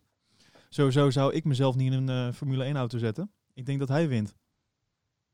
Nee, ja, oh, zeker. Daarom zeg ik. Ik bedoel, er zijn, er zijn twintig mensen die Formule 1 coureur zijn. Er zijn letterlijk meer mensen in de ruimte geweest dan dat er mensen zijn die professioneel Formule 1 coureur zijn geweest. Oké. Dat is een super klein, super select groepje. Ja. En daar heeft hij aan meegedaan. Ja. Terwijl hij een handicap heeft en iedereen hier is topfit. Dat is bizar. Nogmaals, dat is echt bizar. Dat is onwijs knap. Maar moet je dan zeggen, nou, je bent, je bent, het is comeback story of the year. En het is racer of the year. En je bent driver of the day. En je, bent, je hebt een 11 uit 10 gescoord. En ja, Ja, bij op. Doornbos, hè. Dat zegt ook niks. Ja, ja, ja, ja, ja, maar toch. Ik weet niet. Sorry, ik ben, het is alleen maar een rent aan het worden. Maar ik vind, het, we hadden het over Veteran of the Year. Het was niet Kubica. Nee, eh, een veteran of the year. Ja, dat kan toch niet anders zijn dan Lewis? Nee, ja, dat, dat heb ik dus niet. Ja, oh, oké. Nou, ik eh, laat ik dan eerst mijn ding verdedigen. Ik vind Lewis Hamilton, omdat ik denk dat dit een van zijn beste jaren ooit is. Eh, misschien wel zijn beste. De beste Ehm, auto ooit. wat? Ook de beste auto ooit. Eh, zeker. Maar dat, ja, daar, daar, dat, dat is toch onderdeel van het pakket. Uh-huh, Ik bedoel, eh, Bottas zat in dezelfde beste auto. Dus eh, ik denk dat... eh, ja, nee, maar dat kan niet anders dan Hamilton. Als je eh, op deze manier gewoon weer wereldkampioen wordt, zo dominant bent. en onder... Want het is ook de druk die je aan moet kunnen. En dat is... Kijk, dat je de skills hebt om erin te rijden, dat is één. Maar om de druk aan te kunnen op die positie in zo'n team als nummer één, dat kunnen er niet heel veel. En hij kan dat wel. En dat is waar je het verschil maakt tussen iemand die goed is en iemand die ehm, exceptioneel is. En Lewis is gewoon exceptioneel. Sebastian Vettel, die heeft het gewoon niet, weer niet waar kunnen maken in de Ferrari. Hij Nee. kan zich ook niet, ehm, ehm, en dat zagen we zeker vorig jaar, ik vond het dit jaar al eh, veel meer meevallen. Maar de druk is voor hem ook gewoon veel te groot. Hij kan dat gewoon niet zo goed aan. En dat is waar, waar Sebastian Vettel een goede coureur is. En Lewis denk ik een exceptioneel goede coureur. Nou. Maar ik denk dat we dat verschil bijvoorbeeld ook weer gaan zien als eh, Lewis ooit besluit, mocht dat ooit gaan gebeuren, dat hij naar Ferrari gaat. Om daar dan zeg maar het verhaal compleet te maken, zoals vele coureurs dat willen. Ehm, en dan toch eh, in, een, in een auto komt die minder goed is. Tenminste, op sommige eh, vlakken. En met de met Italiaanse mentaliteit, als je dan ook weer die, als je dan ook weer je hoofd koel kan houden. Of een team naar jouw hand kan zetten. Want dat is ook nog een ding. En dat is Ja. waar bijvoorbeeld Max ook heel goed in is. Red Bull is volledig gevormd om Max. Dat zijn zeg maar echt kwaliteiten. Dat, is, dat, dat, dat kan je niet leren. Dat dwing je af. Dat heb je in je of je hebt het niet. En eh, Max heeft het. En daarom is hij zo exceptioneel goed. En wil eigenlijk niemand eh, naast hem rijden. Om het zo maar te zeggen. En, en daarom is Lewis ook zo enorm goed. Het is gewoon buiten, buiten categorie. Oké, oké, fair enough. Point enough. made. Zeker. Nou ja, ik denk, ik ga gewoon, ik, eh, ik eh, ga niet de, de, de standaard voor de hand liggende Veterans of the Year eh, af. 84 Hey. overwinningen. I know. 84 overwinningen. Zeker. 3432 WK-punten. Maar ik, ik, ik 88 sluit, pole ik sluit me achter, ik sluit me achter Max dat 60% van de mensen in zijn auto wereldkampioen kunnen worden. Nou, ben ik niet met je eens. Daar is Max het al mee eens. Ja, maar Max is misschien wel de persoon die dat zou kunnen. Maar echt geloof me nou, als je daar, ja, als je daar een 60%. Giovinazzi in zet, wordt niks. Nee, nee, maar Giovinazzi hoort ik bij het stapeltje wat hij roept, die het niet worden. Ik, eh, weet je, laat ik aan beginnen. Met, want de persoon die ik denk, eh, zou volgens mij best wereldkampioen kunnen worden in... eh, in of nou, nee, wacht, sorry. De veteran die ik in gedachten heb, die heb ik gewoon genomen omdat die... Ik vind dat die het in verhouding tot vorig jaar onwijs goed heeft gedaan. Terwijl Hamilton, hoe oneerlijk het ook is, was vorig jaar ook wereldkampioen. Ja, maar dat, Snap je? Nee, nee, maar toch. dat is alleen het eindresultaat, hè? Dat zegt niks Ja, ja, over... maar anders dan moet je altijd gewoon de nummer 1. Dan moet je alleen naar punten letten. Ik En ben heel benieuwd wat onze luisteraars hiervan vinden. Laat het ons alsjeblieft weten. Ja, zeker. Nee, mijn, mijn veteran of the year is. Science?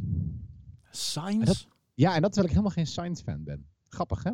Maar hij heeft eh, buiten een aantal DNF's heeft hij zo'n goed jaar gehad in verhouding. Hij heeft altijd minder dan 50 punten gehad, of rondom de 50 punten gehad met zijn auto. En dit jaar heeft hij de 96. En staat hij met McLaren, en dat komt ook omdat eh, Gasly en Albon natuurlijk verwisseld zijn, dat hij iets makkelijker een plekje opschoof. Maar hij staat gewoon zesde met McLaren. Hè?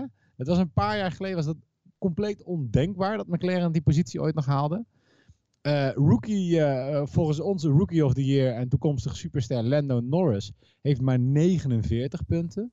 Die Ja. in dezelfde auto rijdt, staat 11e. Ik vind dat Sainz, en hij- dat hij gewoon een beetje onderbelicht is, maar dat hij in verhouding zo goed heeft gepresteerd voor eh, de auto die hij heeft en hoe jong hij in verhouding nog is. Want hij is ook een veteran, maar hij is ook gewoon eh, pas 25. Nee, daar heb je gelijk in. Ik vind echt dat die een in verhouding bizar goed eh, eh, jaar heeft, heeft gereden. Dat ben ik met je eens. En eh, ik hoop heel erg dat hij, ondanks dat, nogmaals, ik bedoel, het is wel een leuke vent, maar ik vind, hij heeft niet, voor mij niet de aandringingskracht die een Norris of een Max hebben. En, en, en buiten de camera, of buiten de race om voor de camera. Ja, dat is ook gewoon wel belangrijk in hoeverre je fan van iemand bent of hoe leuk je iemand vindt. Maar nee, ik, ik vind echt dat hij, het, eh, dat hij het onwijs goed heeft gedaan. Dus hij zou wat mij betreft, als je kijkt naar hoe erg hij zich verbeterd heeft ten opzichte van vorig jaar, eh een veteran of the year mogen zijn. Nou, dat, dat ben ik helemaal met je eens.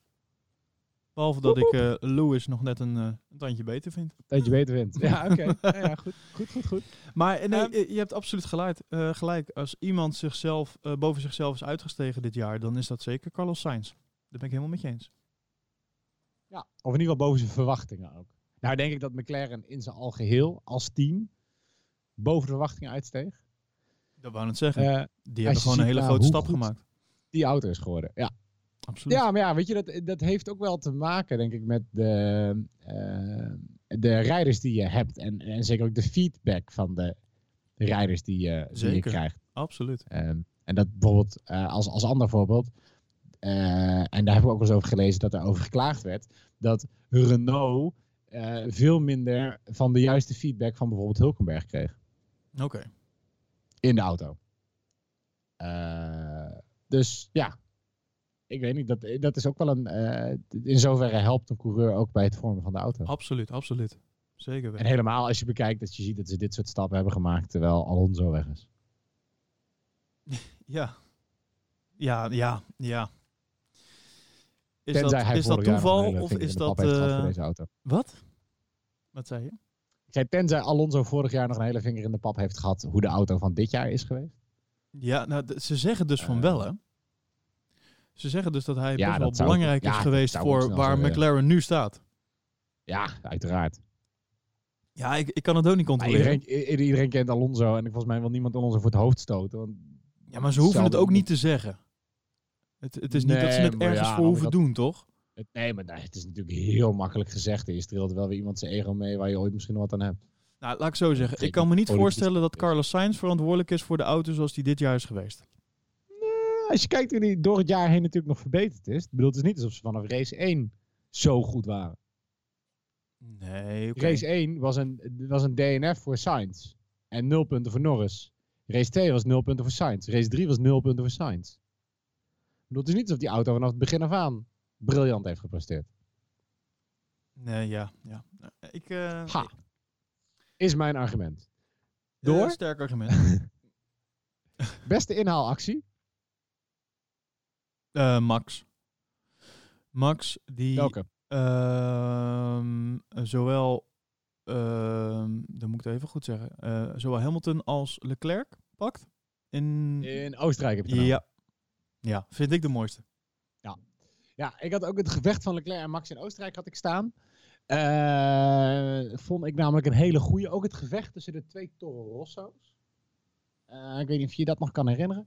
Eh, welke race? Ook Oostenrijk? ja, dat, ik zit nou heel even te bedenken welke race het is, want die heb ik niet genoteerd. Maar die schoot me net nog te binnen. Shit, wat was dat nou? Ik zit te twijfelen of dat nou Duitsland was of niet. Ehm, maar oké, maar de andere die ik, eh, die ik heb, is eigenlijk niet zozeer inhaalactie met de beste race. En ik was deze gewoon weer helemaal vergeten. Maar hij kwam boven doordat ik eh, ehm, de, de, de Ziggo ehm, eh, jaaroverzicht bekeek. Ja. Ehm, echt een aanrader. Was Singapore. Singapore. Eh, in Singapore had je een had je, ja, je had een gevecht tussen Carlos Sainz, Kevin Magnussen, Lance Stroll en Ricciardo. Vier auto's die constant twee aan twee aan het vechten waren. Eh, echt, echt een, ik denk een ronde eh, ehm, ehm, achter elkaar. In iedere bocht elkaar eh, langstuiven en duwen en trekken op het krappe circuit dat Singapore is. ja. Dat is echt. Als ik dat zie, dat het is niet één, één single inhaalactie. En denk ja, dat is wel hoe ik eigenlijk Formule 1 wil zien. Het, het gaat niet eens om een goed gevecht tussen twee mensen, maar ook gewoon die, die groepsgevechten van, van eh, eh, alle auto's die, ehm, eh, die elkaar maar van de weg proberen te duwen daar. Ja. Dat, dat zag er zo ontzettend gaaf uit, zeker op zo'n klein circuit. Maar kwam dat ook niet door iets van drie safety cars die daar kwamen? Dat is de Ja, reden waarom dat het zo dicht bij elkaar zat, hè? Ontstond. Ja, drie Ja, safety dat zou cars. kunnen. Dus dat maar is wel de reden. daardoor was het wel een heel gaaf stukje eh, Formule 1, vond ik. Nee, absoluut. Zeker weten. Nee, dat, dat- daar heb je gelijk in. Maar, da- Ehm. maar, maar dat is wel, het is wel een soort van, eh, hoe, noem je dat? Kunstmatig. Het is niet natuurlijk. nee, tuurlijk. Het is wel, maar je ziet ook wel dat ze dan toch dicht bij elkaar. Want ik bedoel, in hetzelfde gevecht, Ricciardo en Lance Stroll.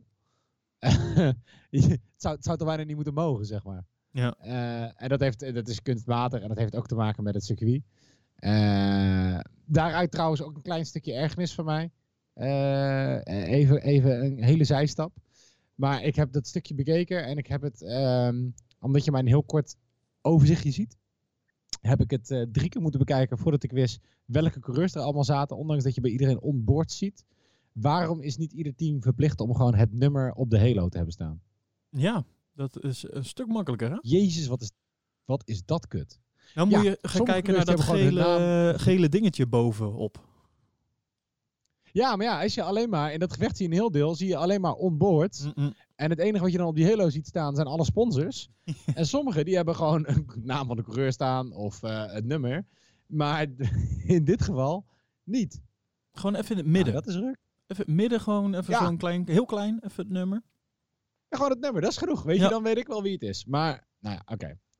Eh, en een andere ehm, eh, die, die, die er ook wel bij moest zijn, maar ik ben ook weer vergeten welke race dat is, was de dubbele inhaalactie van Max en van Albon gelijktijdig. Oh ja, ja. Toen hadden ja, Max Leclerc in en Albon Vettel. Ja. Of hadden Max... Ik weet niet meer. Dat, was dat niet Brazilië? Maar ook dat. Dat zou, ja, dat zou zomaar kunnen. Volgens mij wel. Oké. Wat was volgens jou de leukste race? Eh, Duitsland. Ja. Oké, dankjewel. Maar ook weer door, door eh, omstandigheden. Wat een chaos. Dit, maar, maar dat, dit, dit is wel zeg maar de soort van eh, sensatie en spanning die het we- wel even nodig had, zeg maar. Ja, Maar eh, nee, ja, ja, absoluut. zeker. Van is- genoten. Het is eigenlijk gewoon, het, het was bijna een soort van wacky races. ja. Ja, Heel toch, mooi gevoel was omschreven. een soort van, van, maar ik had gewoon, gewoon gelijktijdig wat je in het overzicht ziet. Max spint. Leclerc rijdt tegen een muur. Dan speelt Hamilton. Dan komt Hamilton, Hamilton terug door aan de verkeerde kant van de bollard eh, eh, de, pits, de pits in te rijden. Dan, dan zorgt het voor een pijnlijk slechte pitstop bij Mercedes. Waarbij iedereen op en neer rent, weet je. En, en eh, ze de banden nog moesten halen en zo. Oh ja, Dan fantastisch. gaat Hulkenberg gaat de muur in. Dan gaat Bottas weer de muur in. En uiteindelijk wint Max. En dat, is, dat, is nog niet eens, al, dat waren nog niet eens alle slachtoffers van Duitsland. Maar het is gewoon echt een soort van wacky races. Ik vind het briljant. Nee, ja, dat eh abs- absoluut waar. Ook eh, de race waar Hulkenberg zijn contract heeft Verloren. verscheurd. Zonder dat hij het wist. Ja, nou, hoewel eh, ze komen daar in Max de Movies ook op terug. Hè. Je ziet Hulkenberg dan langs de kant zitten. Eh Zo'n beetje huilend in zijn, eh, in zijn helm. Eh, en dan zegt Rob zegt het ook. Die zegt, dit, dit was zo'n beetje het moment waarop zijn contract eh, eh, werd doorgescheurd. Of Ja, niet? Toen zei Max, ja, volgens mij, volgens mij realiseerde hij zich het ook. Ja, dat denk ik wel. Dat, is, dat was zo ontzettend. Ondanks dat het natuurlijk heel lullig is, want er gingen superveel mensen van de baan af.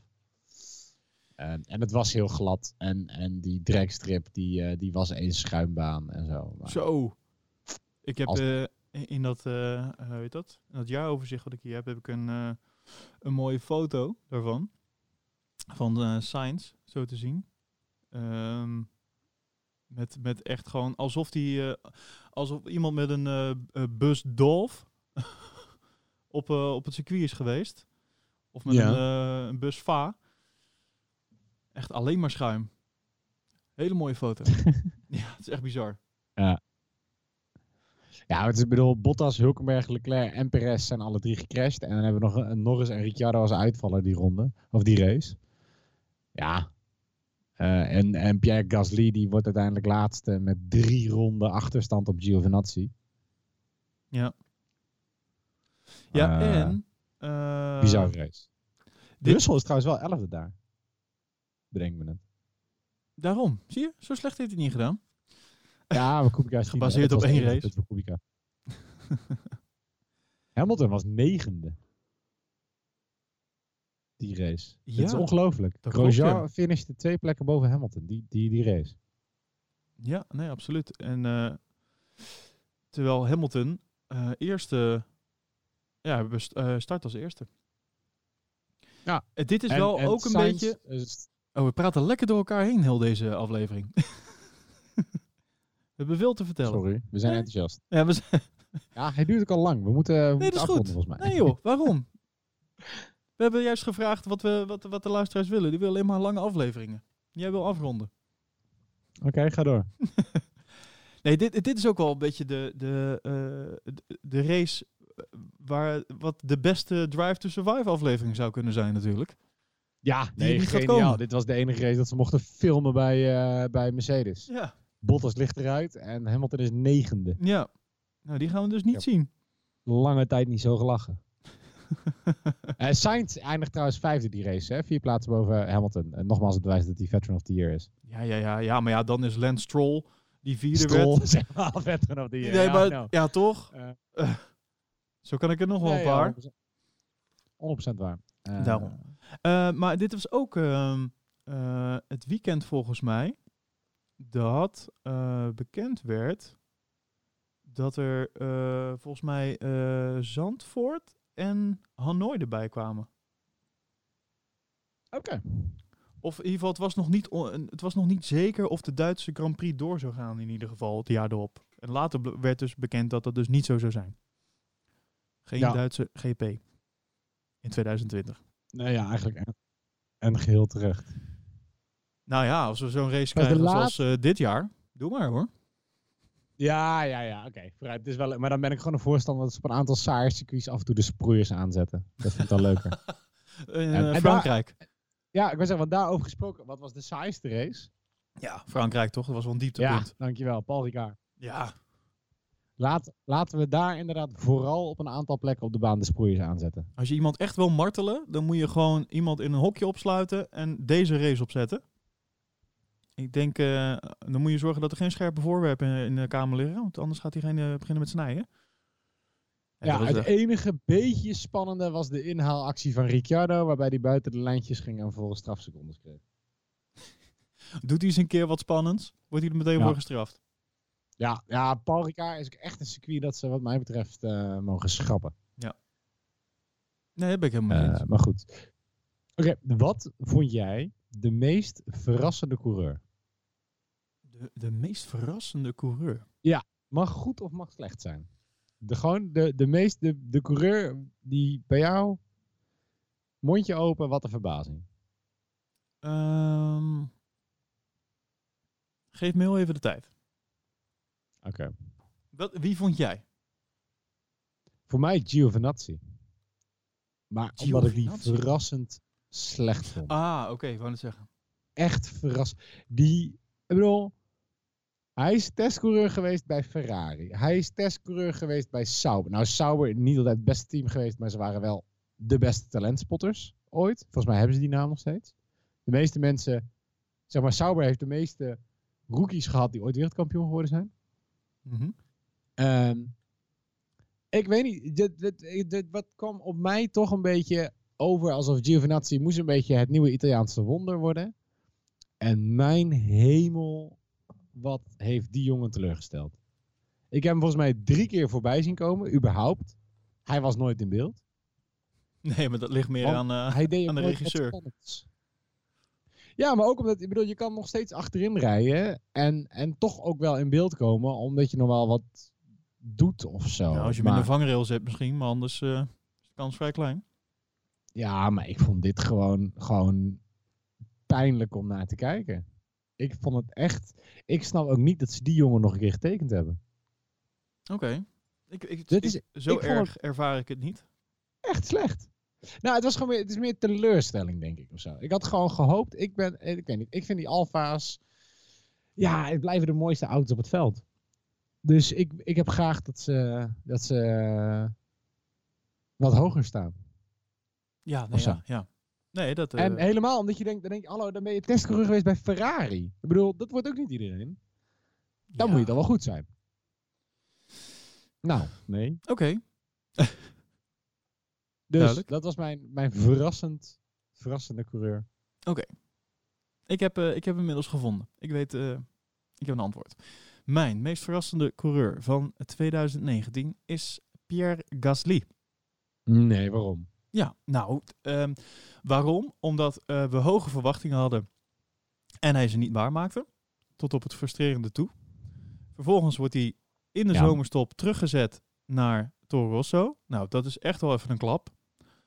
Ehm, en daar is hij vervolgens echt wel weer, denk ik, op zijn best. Lange stilte. Ja. Ik- ja, nou ja, ik Zoals hij de tweede seizoen zelfs gewoon eh, eh, ja, is geëindigd ook uiteindelijk. En hoe hij dat heeft opgepakt. Het is echt niet niks hè. Als je gewoon even wordt teruggezet. Het is echt een flinke klap. Ik bedoel, het is een- een bubbel eh, die, die uit elkaar spat. Het is een droom. Weet je, je wil, je wil voor, dat, eh, voor Red Bull rijden. Het, het wordt totaal niet wat je, wat je hoopt dat het eh, gaat worden. Je krijgt de, de, de- iedereen, alles krijg je over je heen. Met als klap op de vuurpijl, dus dat je dan nog een keer wordt teruggezet. Dat je nog een belletje krijgt in de zomer van, yo, dit gaan we even anders doen. En dan vervolgens wel gewoon cool weten te blijven. En eh, zo uiteindelijk nog je, je seizoen weten af te sluiten. Dat vind ik echt knap. Daar moet je mentaal echt heel sterk voor zijn. En ook nog de skills hebben om het ook waar te Eh, kunnen maken. Nou ja, inderdaad. En het is wel... eh, maar ik denk wel dat hij hiermee, eh, en ik weet niet of je daar al mee kan leven, redelijk zijn lot heeft bezegeld. Als in, hij gaat nooit wereldkampioen worden. Nee, maar ja, dat, nogmaals, daar kunnen we meer mensen in het veld. maar als we, als we Ja. niemand die wereldkampioen kan worden, als we, al- als we alle mensen die dat niet kunnen uit de, de Formule 1 gaan halen, dan hou je niks meer over. Nee, dan wordt het een hele saaie race. Maar mij lijkt het gewoon pijnlijk dat je die realisatie hebt. Snap je? Ja. Dat, eh, net dat je zegt, het is een beetje die, die droom eh, in Red Bull. Als je, als je voor Red Bull rijdt, heb je eh, haast per definitie de kans om wereldkampioen te rijden. Want je rijdt bij een van de top drie teams. Right? Ja. Hij heeft Mm, ja. nu, of in ieder geval om een race te winnen. Ja, dat. Maar in een Toro Rosso gaat hij waarschijnlijk dat, dat derde worden, of tweede, wat hij werd. Dat is zijn hoogst haalbare. Ja. En dat was eigenlijk ook tweede worden met een asterisk. Want, eh, laten we eerlijk zijn, dat was een race waarin zoveel mensen uitvielen. Ook. Nee, dat is waar. Dus ja, ik vraag me af hoe, inderdaad, hoe, dat, hoe dat voor zo'n zo'n jongen is. Maar hij doet het, hij, is, hij, is, hij hoort bij de top van het middenveld. Hij hoort gewoon eh, bij de onderkant van het topveld. Vind ik wel. Maar het, het, het- gewoon als we het dan even hebben over meest verrassende coureur. Dan, eh, ik had niet verwacht dat hij zo sterk terug zou komen. Dat is waar. Dus Dat ben ik met je eens. vandaar ik mijn had keuze. best verwacht dat hij een heel slecht tweede seizoen zou doen. En dat hij, eh, dat hij er dit jaar niet meer in zou zitten. juist. Komend jaar. Dat had ik niet heel gek gevonden, laat ik het zo zeggen. Oké, ben ik met je eens. Ehm, Top. Dan, meest, ja, en ik, ik, ik zal niet weer Giovinazzi kiezen, maar meest teleurstellende coureur. Jij bedoelt gewoon pannenkoek of the year? Ja, pannenkoek of the year. Pannenkoek of the year? Nou, die heb ik wel voor je hoor. Ik vrees dat we hier gewoon allebei dezelfde voor hebben. Dat, dan mag jij beginnen. Ja, Grosjean. Romain Grosjean. Ja. Nou, Dat ik, is- eh, kan je is- mij vertellen waarom je dat dan vindt? Dat is de, de eh, hè, laten we het in het Frans doen, crap of the year. ja, die werkt op twee manieren. Ehm, nee, ja, ik vind, ik vind, ik snap zo niet waarom hij eh, eh, nog getekend is. Ik bedoel, Kevin Magnussen deed het al slecht, maar Romain Grosjean is gewoon... Kijk, als hij nou nog een enorme persoonlijkheid was of zo, weet je, of op een andere manier waarde aan het team bood. Maar ik kan me...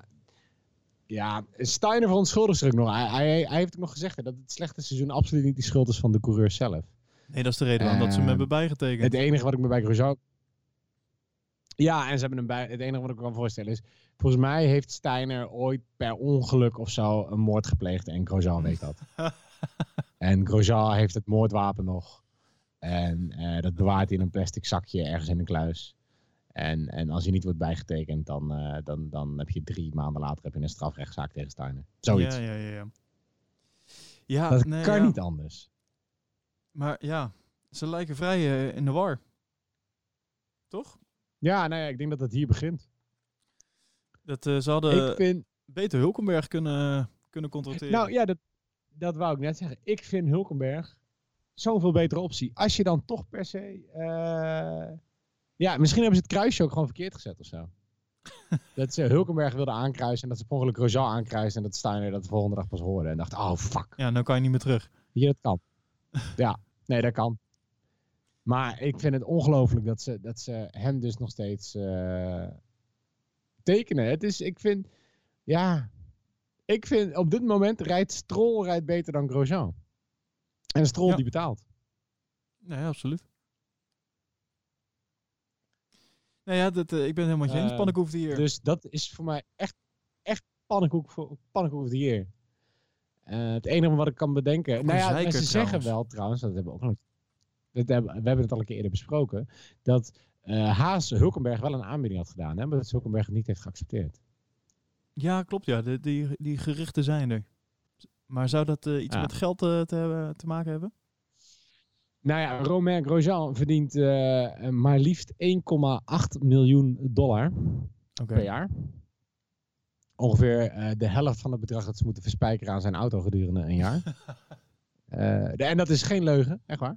En, eh, en Nico Hulkenberg verdient eh 4,5 miljoen. Ja, er zit een klein gat. Daar zit, daar zit een relatief gat. Er zit sowieso, na Grosjean zit er een heel groot gat naar boven toe. Eh, want de eerstvolgende is Perez, die 3,5 miljoen, eh, miljoen dollar verdient. Oké. Wat Leclerc grappig genoeg ook bij Ferrari kreeg. Hoeveel, eh, staat, eh, voor hoeveel staat Daniel Ricciardo op de loonlijst? Daniel Ricciardo staat voor 17 miljoen op de loonlijst Ja. Renault. Ja, ja, ja. Eh, eh, eh, Kimi Raikkonen voor 4,5 bij Sauber. Oh ja, bij Alfa. Ik denk dat eh, Hulkenberg te Eh. veel met Daniel heeft eh, gesproken. En die dacht, nou, wat hij kan, kan ik ook. Ja, ik wil geld zien. Ja, alleen niemand wilde het neerleggen. Nou ja, grappig genoeg krijgt eh, Gasly die krijgt eh, maar 1,4 miljoen van Red Bull. Eh, en Magnussen maar 1,2. Ze verdienen allebei minder dan Grosjean. En grappig genoeg staat Stroll hier Schande. voor 1,2 miljoen, maar volgens mij is dat gewoon zijn zakgeld. Dat krijgt hij elke week. Ja, nee, maar ik bedoel, als, als, als papa eh, 30 miljoen in een team stopt en Ja. het team betaalt jou 1,2 miljoen, dan is het toch eigenlijk gewoon zakgeld. Ja, klopt ja. Nee, nee, nee.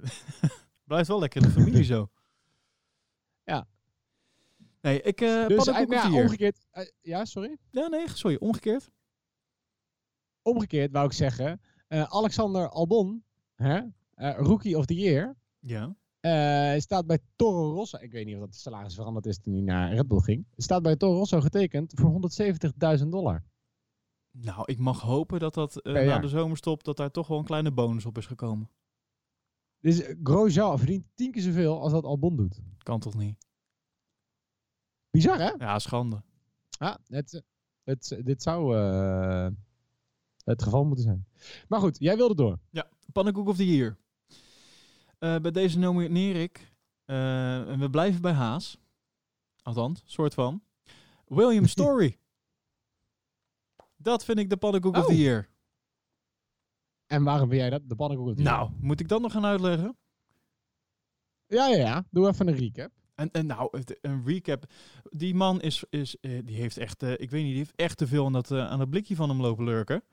Die, die, die, die heeft waan, waanideeën. Dat, dat interview met Olaf, ik zal het nog eens een keertje opzoeken en in de show notes zetten. Dat is ook zo raar. Heb je dat, heb je dat nog wel eens teruggekeken? Nee. Nee? Ik ga hem gelijk voor je opzoeken. Nou ja, dat, eh, het, het hele verhaal met, met Rich Energy en Haas en eh, dat blijft natuurlijk heel raar. Geld wat er, wat er niet kwam of wat er zou moeten komen, maar wat er nog niet was. En ehm, vervolgens eh, eh, die hele rechtszaak natuurlijk ook met, eh, met het logo wat ze hadden gejat. Ehm, ik heb nog steeds nergens in de winkels Rich Energy liggen. Nee. Niet, kan aan mij liggen. Terwijl hij nog vrolijk in dat eh, interview met Olaf zei... Nou, binnenkort komt het eh, in alle supermarkten en eh, we hebben een deal. En, nou, oké. Nou moet ik zeggen, ik kijk ook niet per se in het, in het vak met energiedrankjes. is niet iets wat mij aantrekt. Hm. Maar, ehm, nee, dat, en ook nadat zeg maar de, de breuk tussen Rich Energy en Hazer was... en Haas eh, even zijn auto opnieuw moest bestikkeren, om het zo maar te zeggen... Dat, dat er toen nog steeds verhalen naar buiten kwamen. Dat ook zo raar. Op een gegeven moment bij Singapore was dat. Nou, dat, dat, was echt al eh, eh, weken nadat, eh, nadat Rich Energy afscheid had genomen van Haas.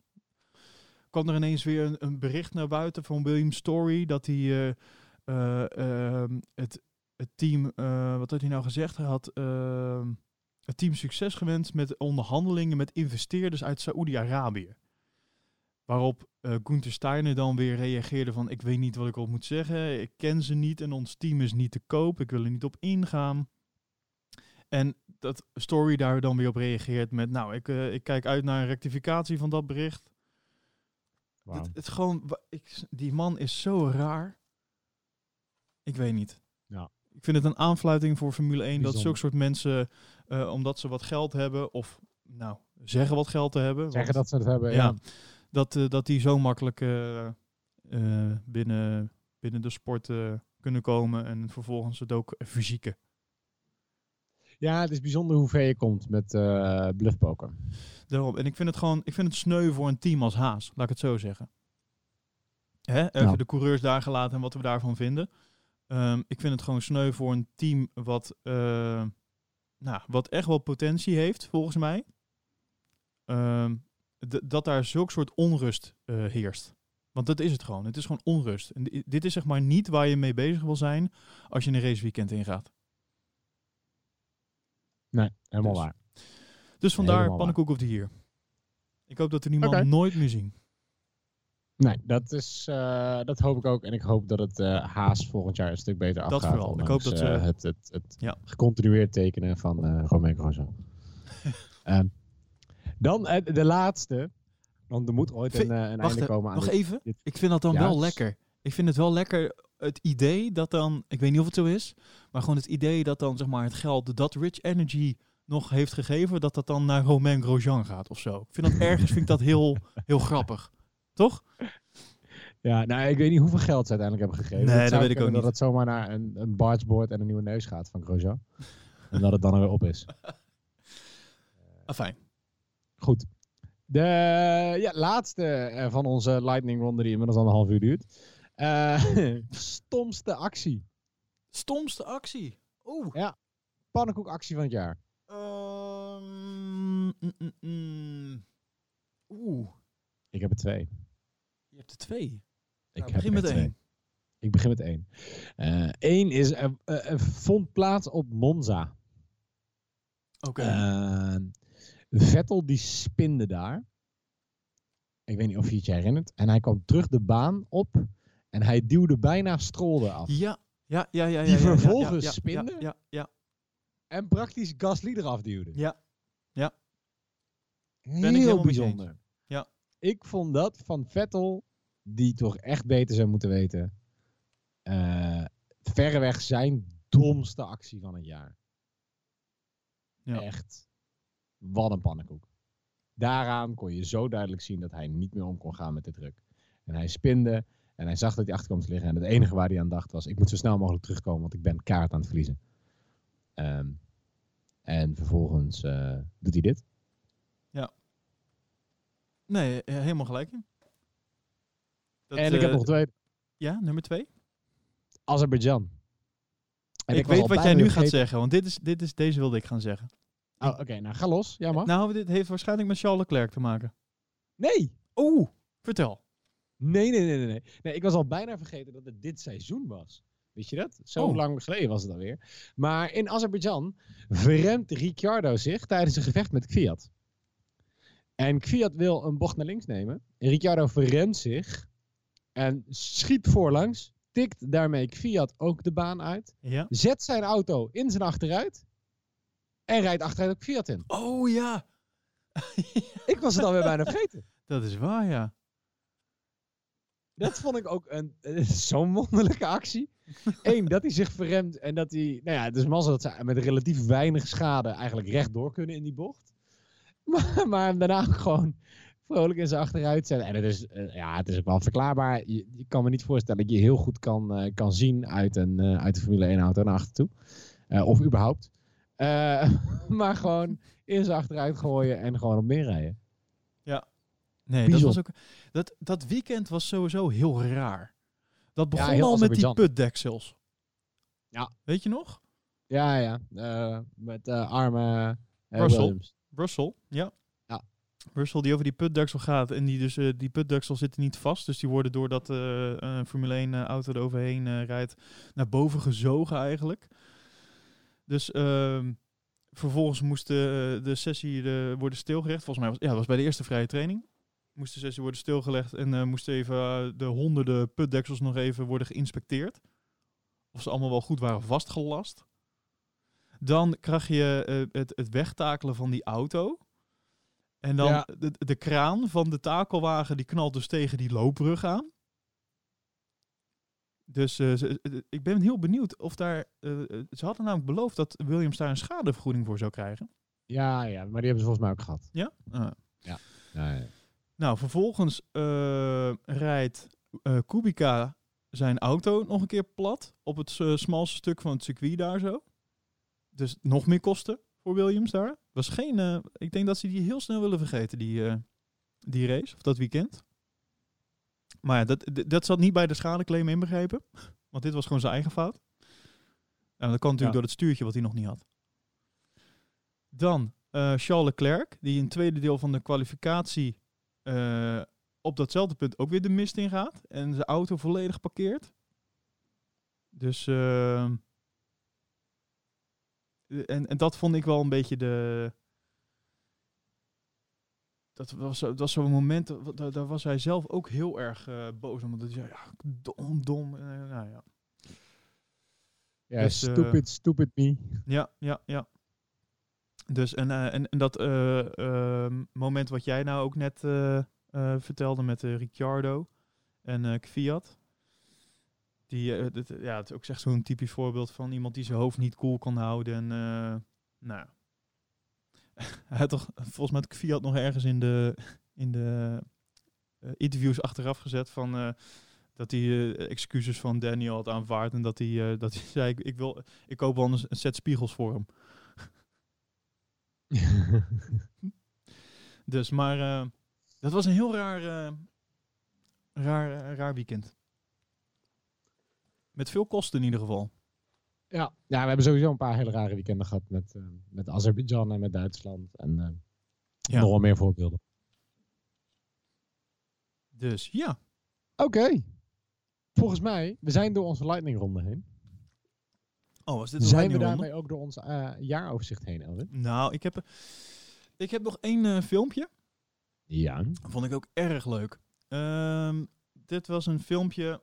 Eh, hier werd, eh, dit, dit is denk ik opgenomen. Hij is pas een paar dagen geleden online gekomen, maar dit is eh, denk ik opgenomen. ehm, nou, ik denk nog tijdens dat de wedstrijden nog bezig waren. Een filmpje met de vraag hoeveel pitstops er in 2018 zijn gemaakt. Let op, Oh. 2018. 2018? Ja, ja. 256. 256, denk jij? Ja. Ja. Oké, nou als we ervan uitgaan dat we 20 races hebben. Ja, met 20 coureurs. Oh ja, ik zie al waar Die allemaal minimaal één keer stoppen. Ja. Zeg gemiddeld twee keer. Ja. Oké. 512 keer. 512. Nou, je zit wel in de buurt. 537. Kijk. En dit hebben ze dus voorgelegd bij, en, bij, en dit eh, jaar dan? bij alle rijders. Ja, dat weet ik. Ik heb het eh, dit jaar niet opgezocht. Maar ze hebben dit eh, voorgelegd bij, bij alle rijders. Ehm, en dat is gewoon een heel leuk filmpje geworden. Antwoord, vooral het antwoord van Renault was geniaal. Maar daarvoor moet je echt even het filmpje kijken. Dat ga ik niet vertellen. Max en Albon die zaten in ieder geval dichtstbij. Die zeiden 534. Die zaten er maar drie vanaf. Zo. Nou, is knap. Dus ik eh, ga het filmpje in de show notes zetten. Doet, doet je bijna denken alsof hun 534 verteld is in een of andere briefing en ze er drie vergeten waren. Toch? Als ze Ja. dat allebei doen, alsof Red Bull dat gewoon ergens een keer besproken heeft tijdens een meeting. eh, Echt hè? Toevallig. Ja. En, ehm, nou, als we het nou toch ook over pitstops hebben. Het pitstop wereldrecord. hey, die is Ja, even, eh, drie keer verbroken dit jaar. Te beginnen Door in Engeland. Eh, door eh, eh, alle drie sowieso door Red Bull. Eh, de eerste door Gasly. Met eh 1.91 in Silverstone. Daarna Max in Duitsland. eh, met 1.88. En eh, de laatste in Brazilië. 1.82. Niet normaal. Zit ook nog een hele vette slow Zou, bij. zou dit lang blijven staan? Ik weet het niet. Ik denk, ik denk dat dit niet heel snel wordt getopt hoor. Nee, of ze, of ze moeten die speedguns bijna sneller maken nog of zo. Ja, maar Maar ik kan me ook niet voorstellen dat je dit nog kan toppen, tenzij je op een gegeven moment een heel ander systeem krijgt. ik, ik denk, ja daarom. Ik denk, ik denk dat dit wel de, de max is. Ha, Snap je? Dus eh, ja, ik denk niet dat je heel veel sneller nog kan dan dit. Toch? Je hebt ook gewoon, dit, het vraagt ook gewoon een bepaalde tijd. Punt. En dit is al, dit, eh, als ik mijn APK op deze manier zou kunnen doen, zou ik het eh, direct doen. Nieuwe bandjes, alles. Ja, zit er ook een eh, maximum aan de hoeveelheid eh pitcrew mensen die ze eigenlijk om zo'n auto heen mogen hebben staan? Dat denk ik wel, ja. Ik zit in mijn hoofd namelijk manieren te bedenken hoe we dit sneller kunnen doen. Waarom zou je dat willen? Dit Nou is ja, al... van, een- als jij van 1.82 naar 1.6 kan gaan. Ja, nou, dan moeten we in ieder geval niet het, eh, het bijtanken gaan eh, introduceren weer. Herintroduceren.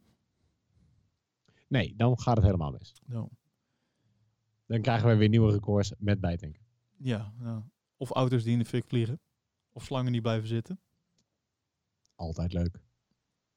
Oh, ik bedenk me trouwens, nou je het hebt over auto's die in de fik vliegen. Ik bedenk, bedenk me nog een pannenkoek of the year moment. Oh, nou, komt-ie. Ja, die ik eigenlijk eh, eh, bij de driver profiles wilde, wilde uploaden. En, en dat waarschijnlijk nog wel gaat doen, want er zat een klein foutje in voor de mensen die onze Instagram eh, gevolgd hebben. Oh, oh ja. Maar ehm, Romain Grosjean, onze pannenkoek of die heer, ehm, die ehm, in de pitstraat zijn auto crasht. Oh ja. Bij het uitkomen van de pitstraat. ja. Ja, Dat bedenk ik me net. Dat was ook een moment. Ik weet niet meer welke race het was, maar och, dat was pijnlijk. Ja. Eh, goed, dat terzijde. nou. Eh, dit was hem denk ik wel. Het jaaroverzicht. Volgens mij wel. Tenminste, ik hoop dat we een iets originele jaaroverzicht van hebben gemaakt dan, eh, dan wat er al te vinden is online. Toch? Ja. Kopiëren is ook maar zo. Daarom. Ehm, nou ja, eh, laat vooral weten wat je ervan vond. Eh, en eh, vooral wat je van de verschillende stellingen vond. Ehm, dat kan je laten weten op onze socials. Eh, Instagram, dat is pollpositionnl. Eh of onze Facebookpagina, Pollposition Podcast. Nog Twitter, pollpositionnl. Ehm en anders in de Slack. En vooral Slack. Ja, als je het daar laat weten, krijg je direct antwoord. Eh, ik heb begrepen dat het, En- het aanmelden bij de Slack, dat is niet altijd, gaat niet altijd even makkelijk.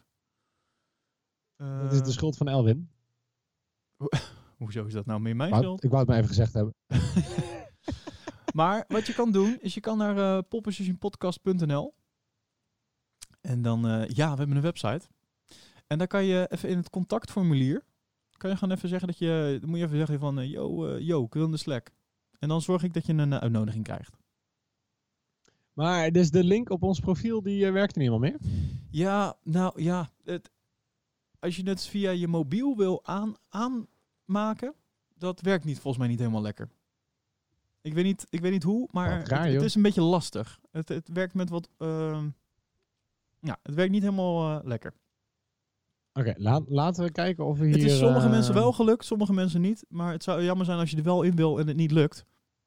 Dus dan heb ik liever dat je Ja. gewoon eh, even het contactformulier invult. poppositionpodcast.nl, Ja, contact. of, eh, of eh, via de DM op Instagram. Kan Dat ook, is misschien eh, voor mensen makkelijker. Als je even een DM-berichtje stuurt met... Hey, doe maar een linkje voor de Slack. Zeker, Dan doen we dat. Hou- Houden we er ook lekker een exclusief klein groepje van. Nou. Is ook gewoon leuk. top. Oké, nou, ik wil iedereen een hele fijne jaarwisseling toewensen. Eh, en Zeker, jou- ook jou namens mij. Ja. En dan, ik kijk uit naar het nieuwe jaar.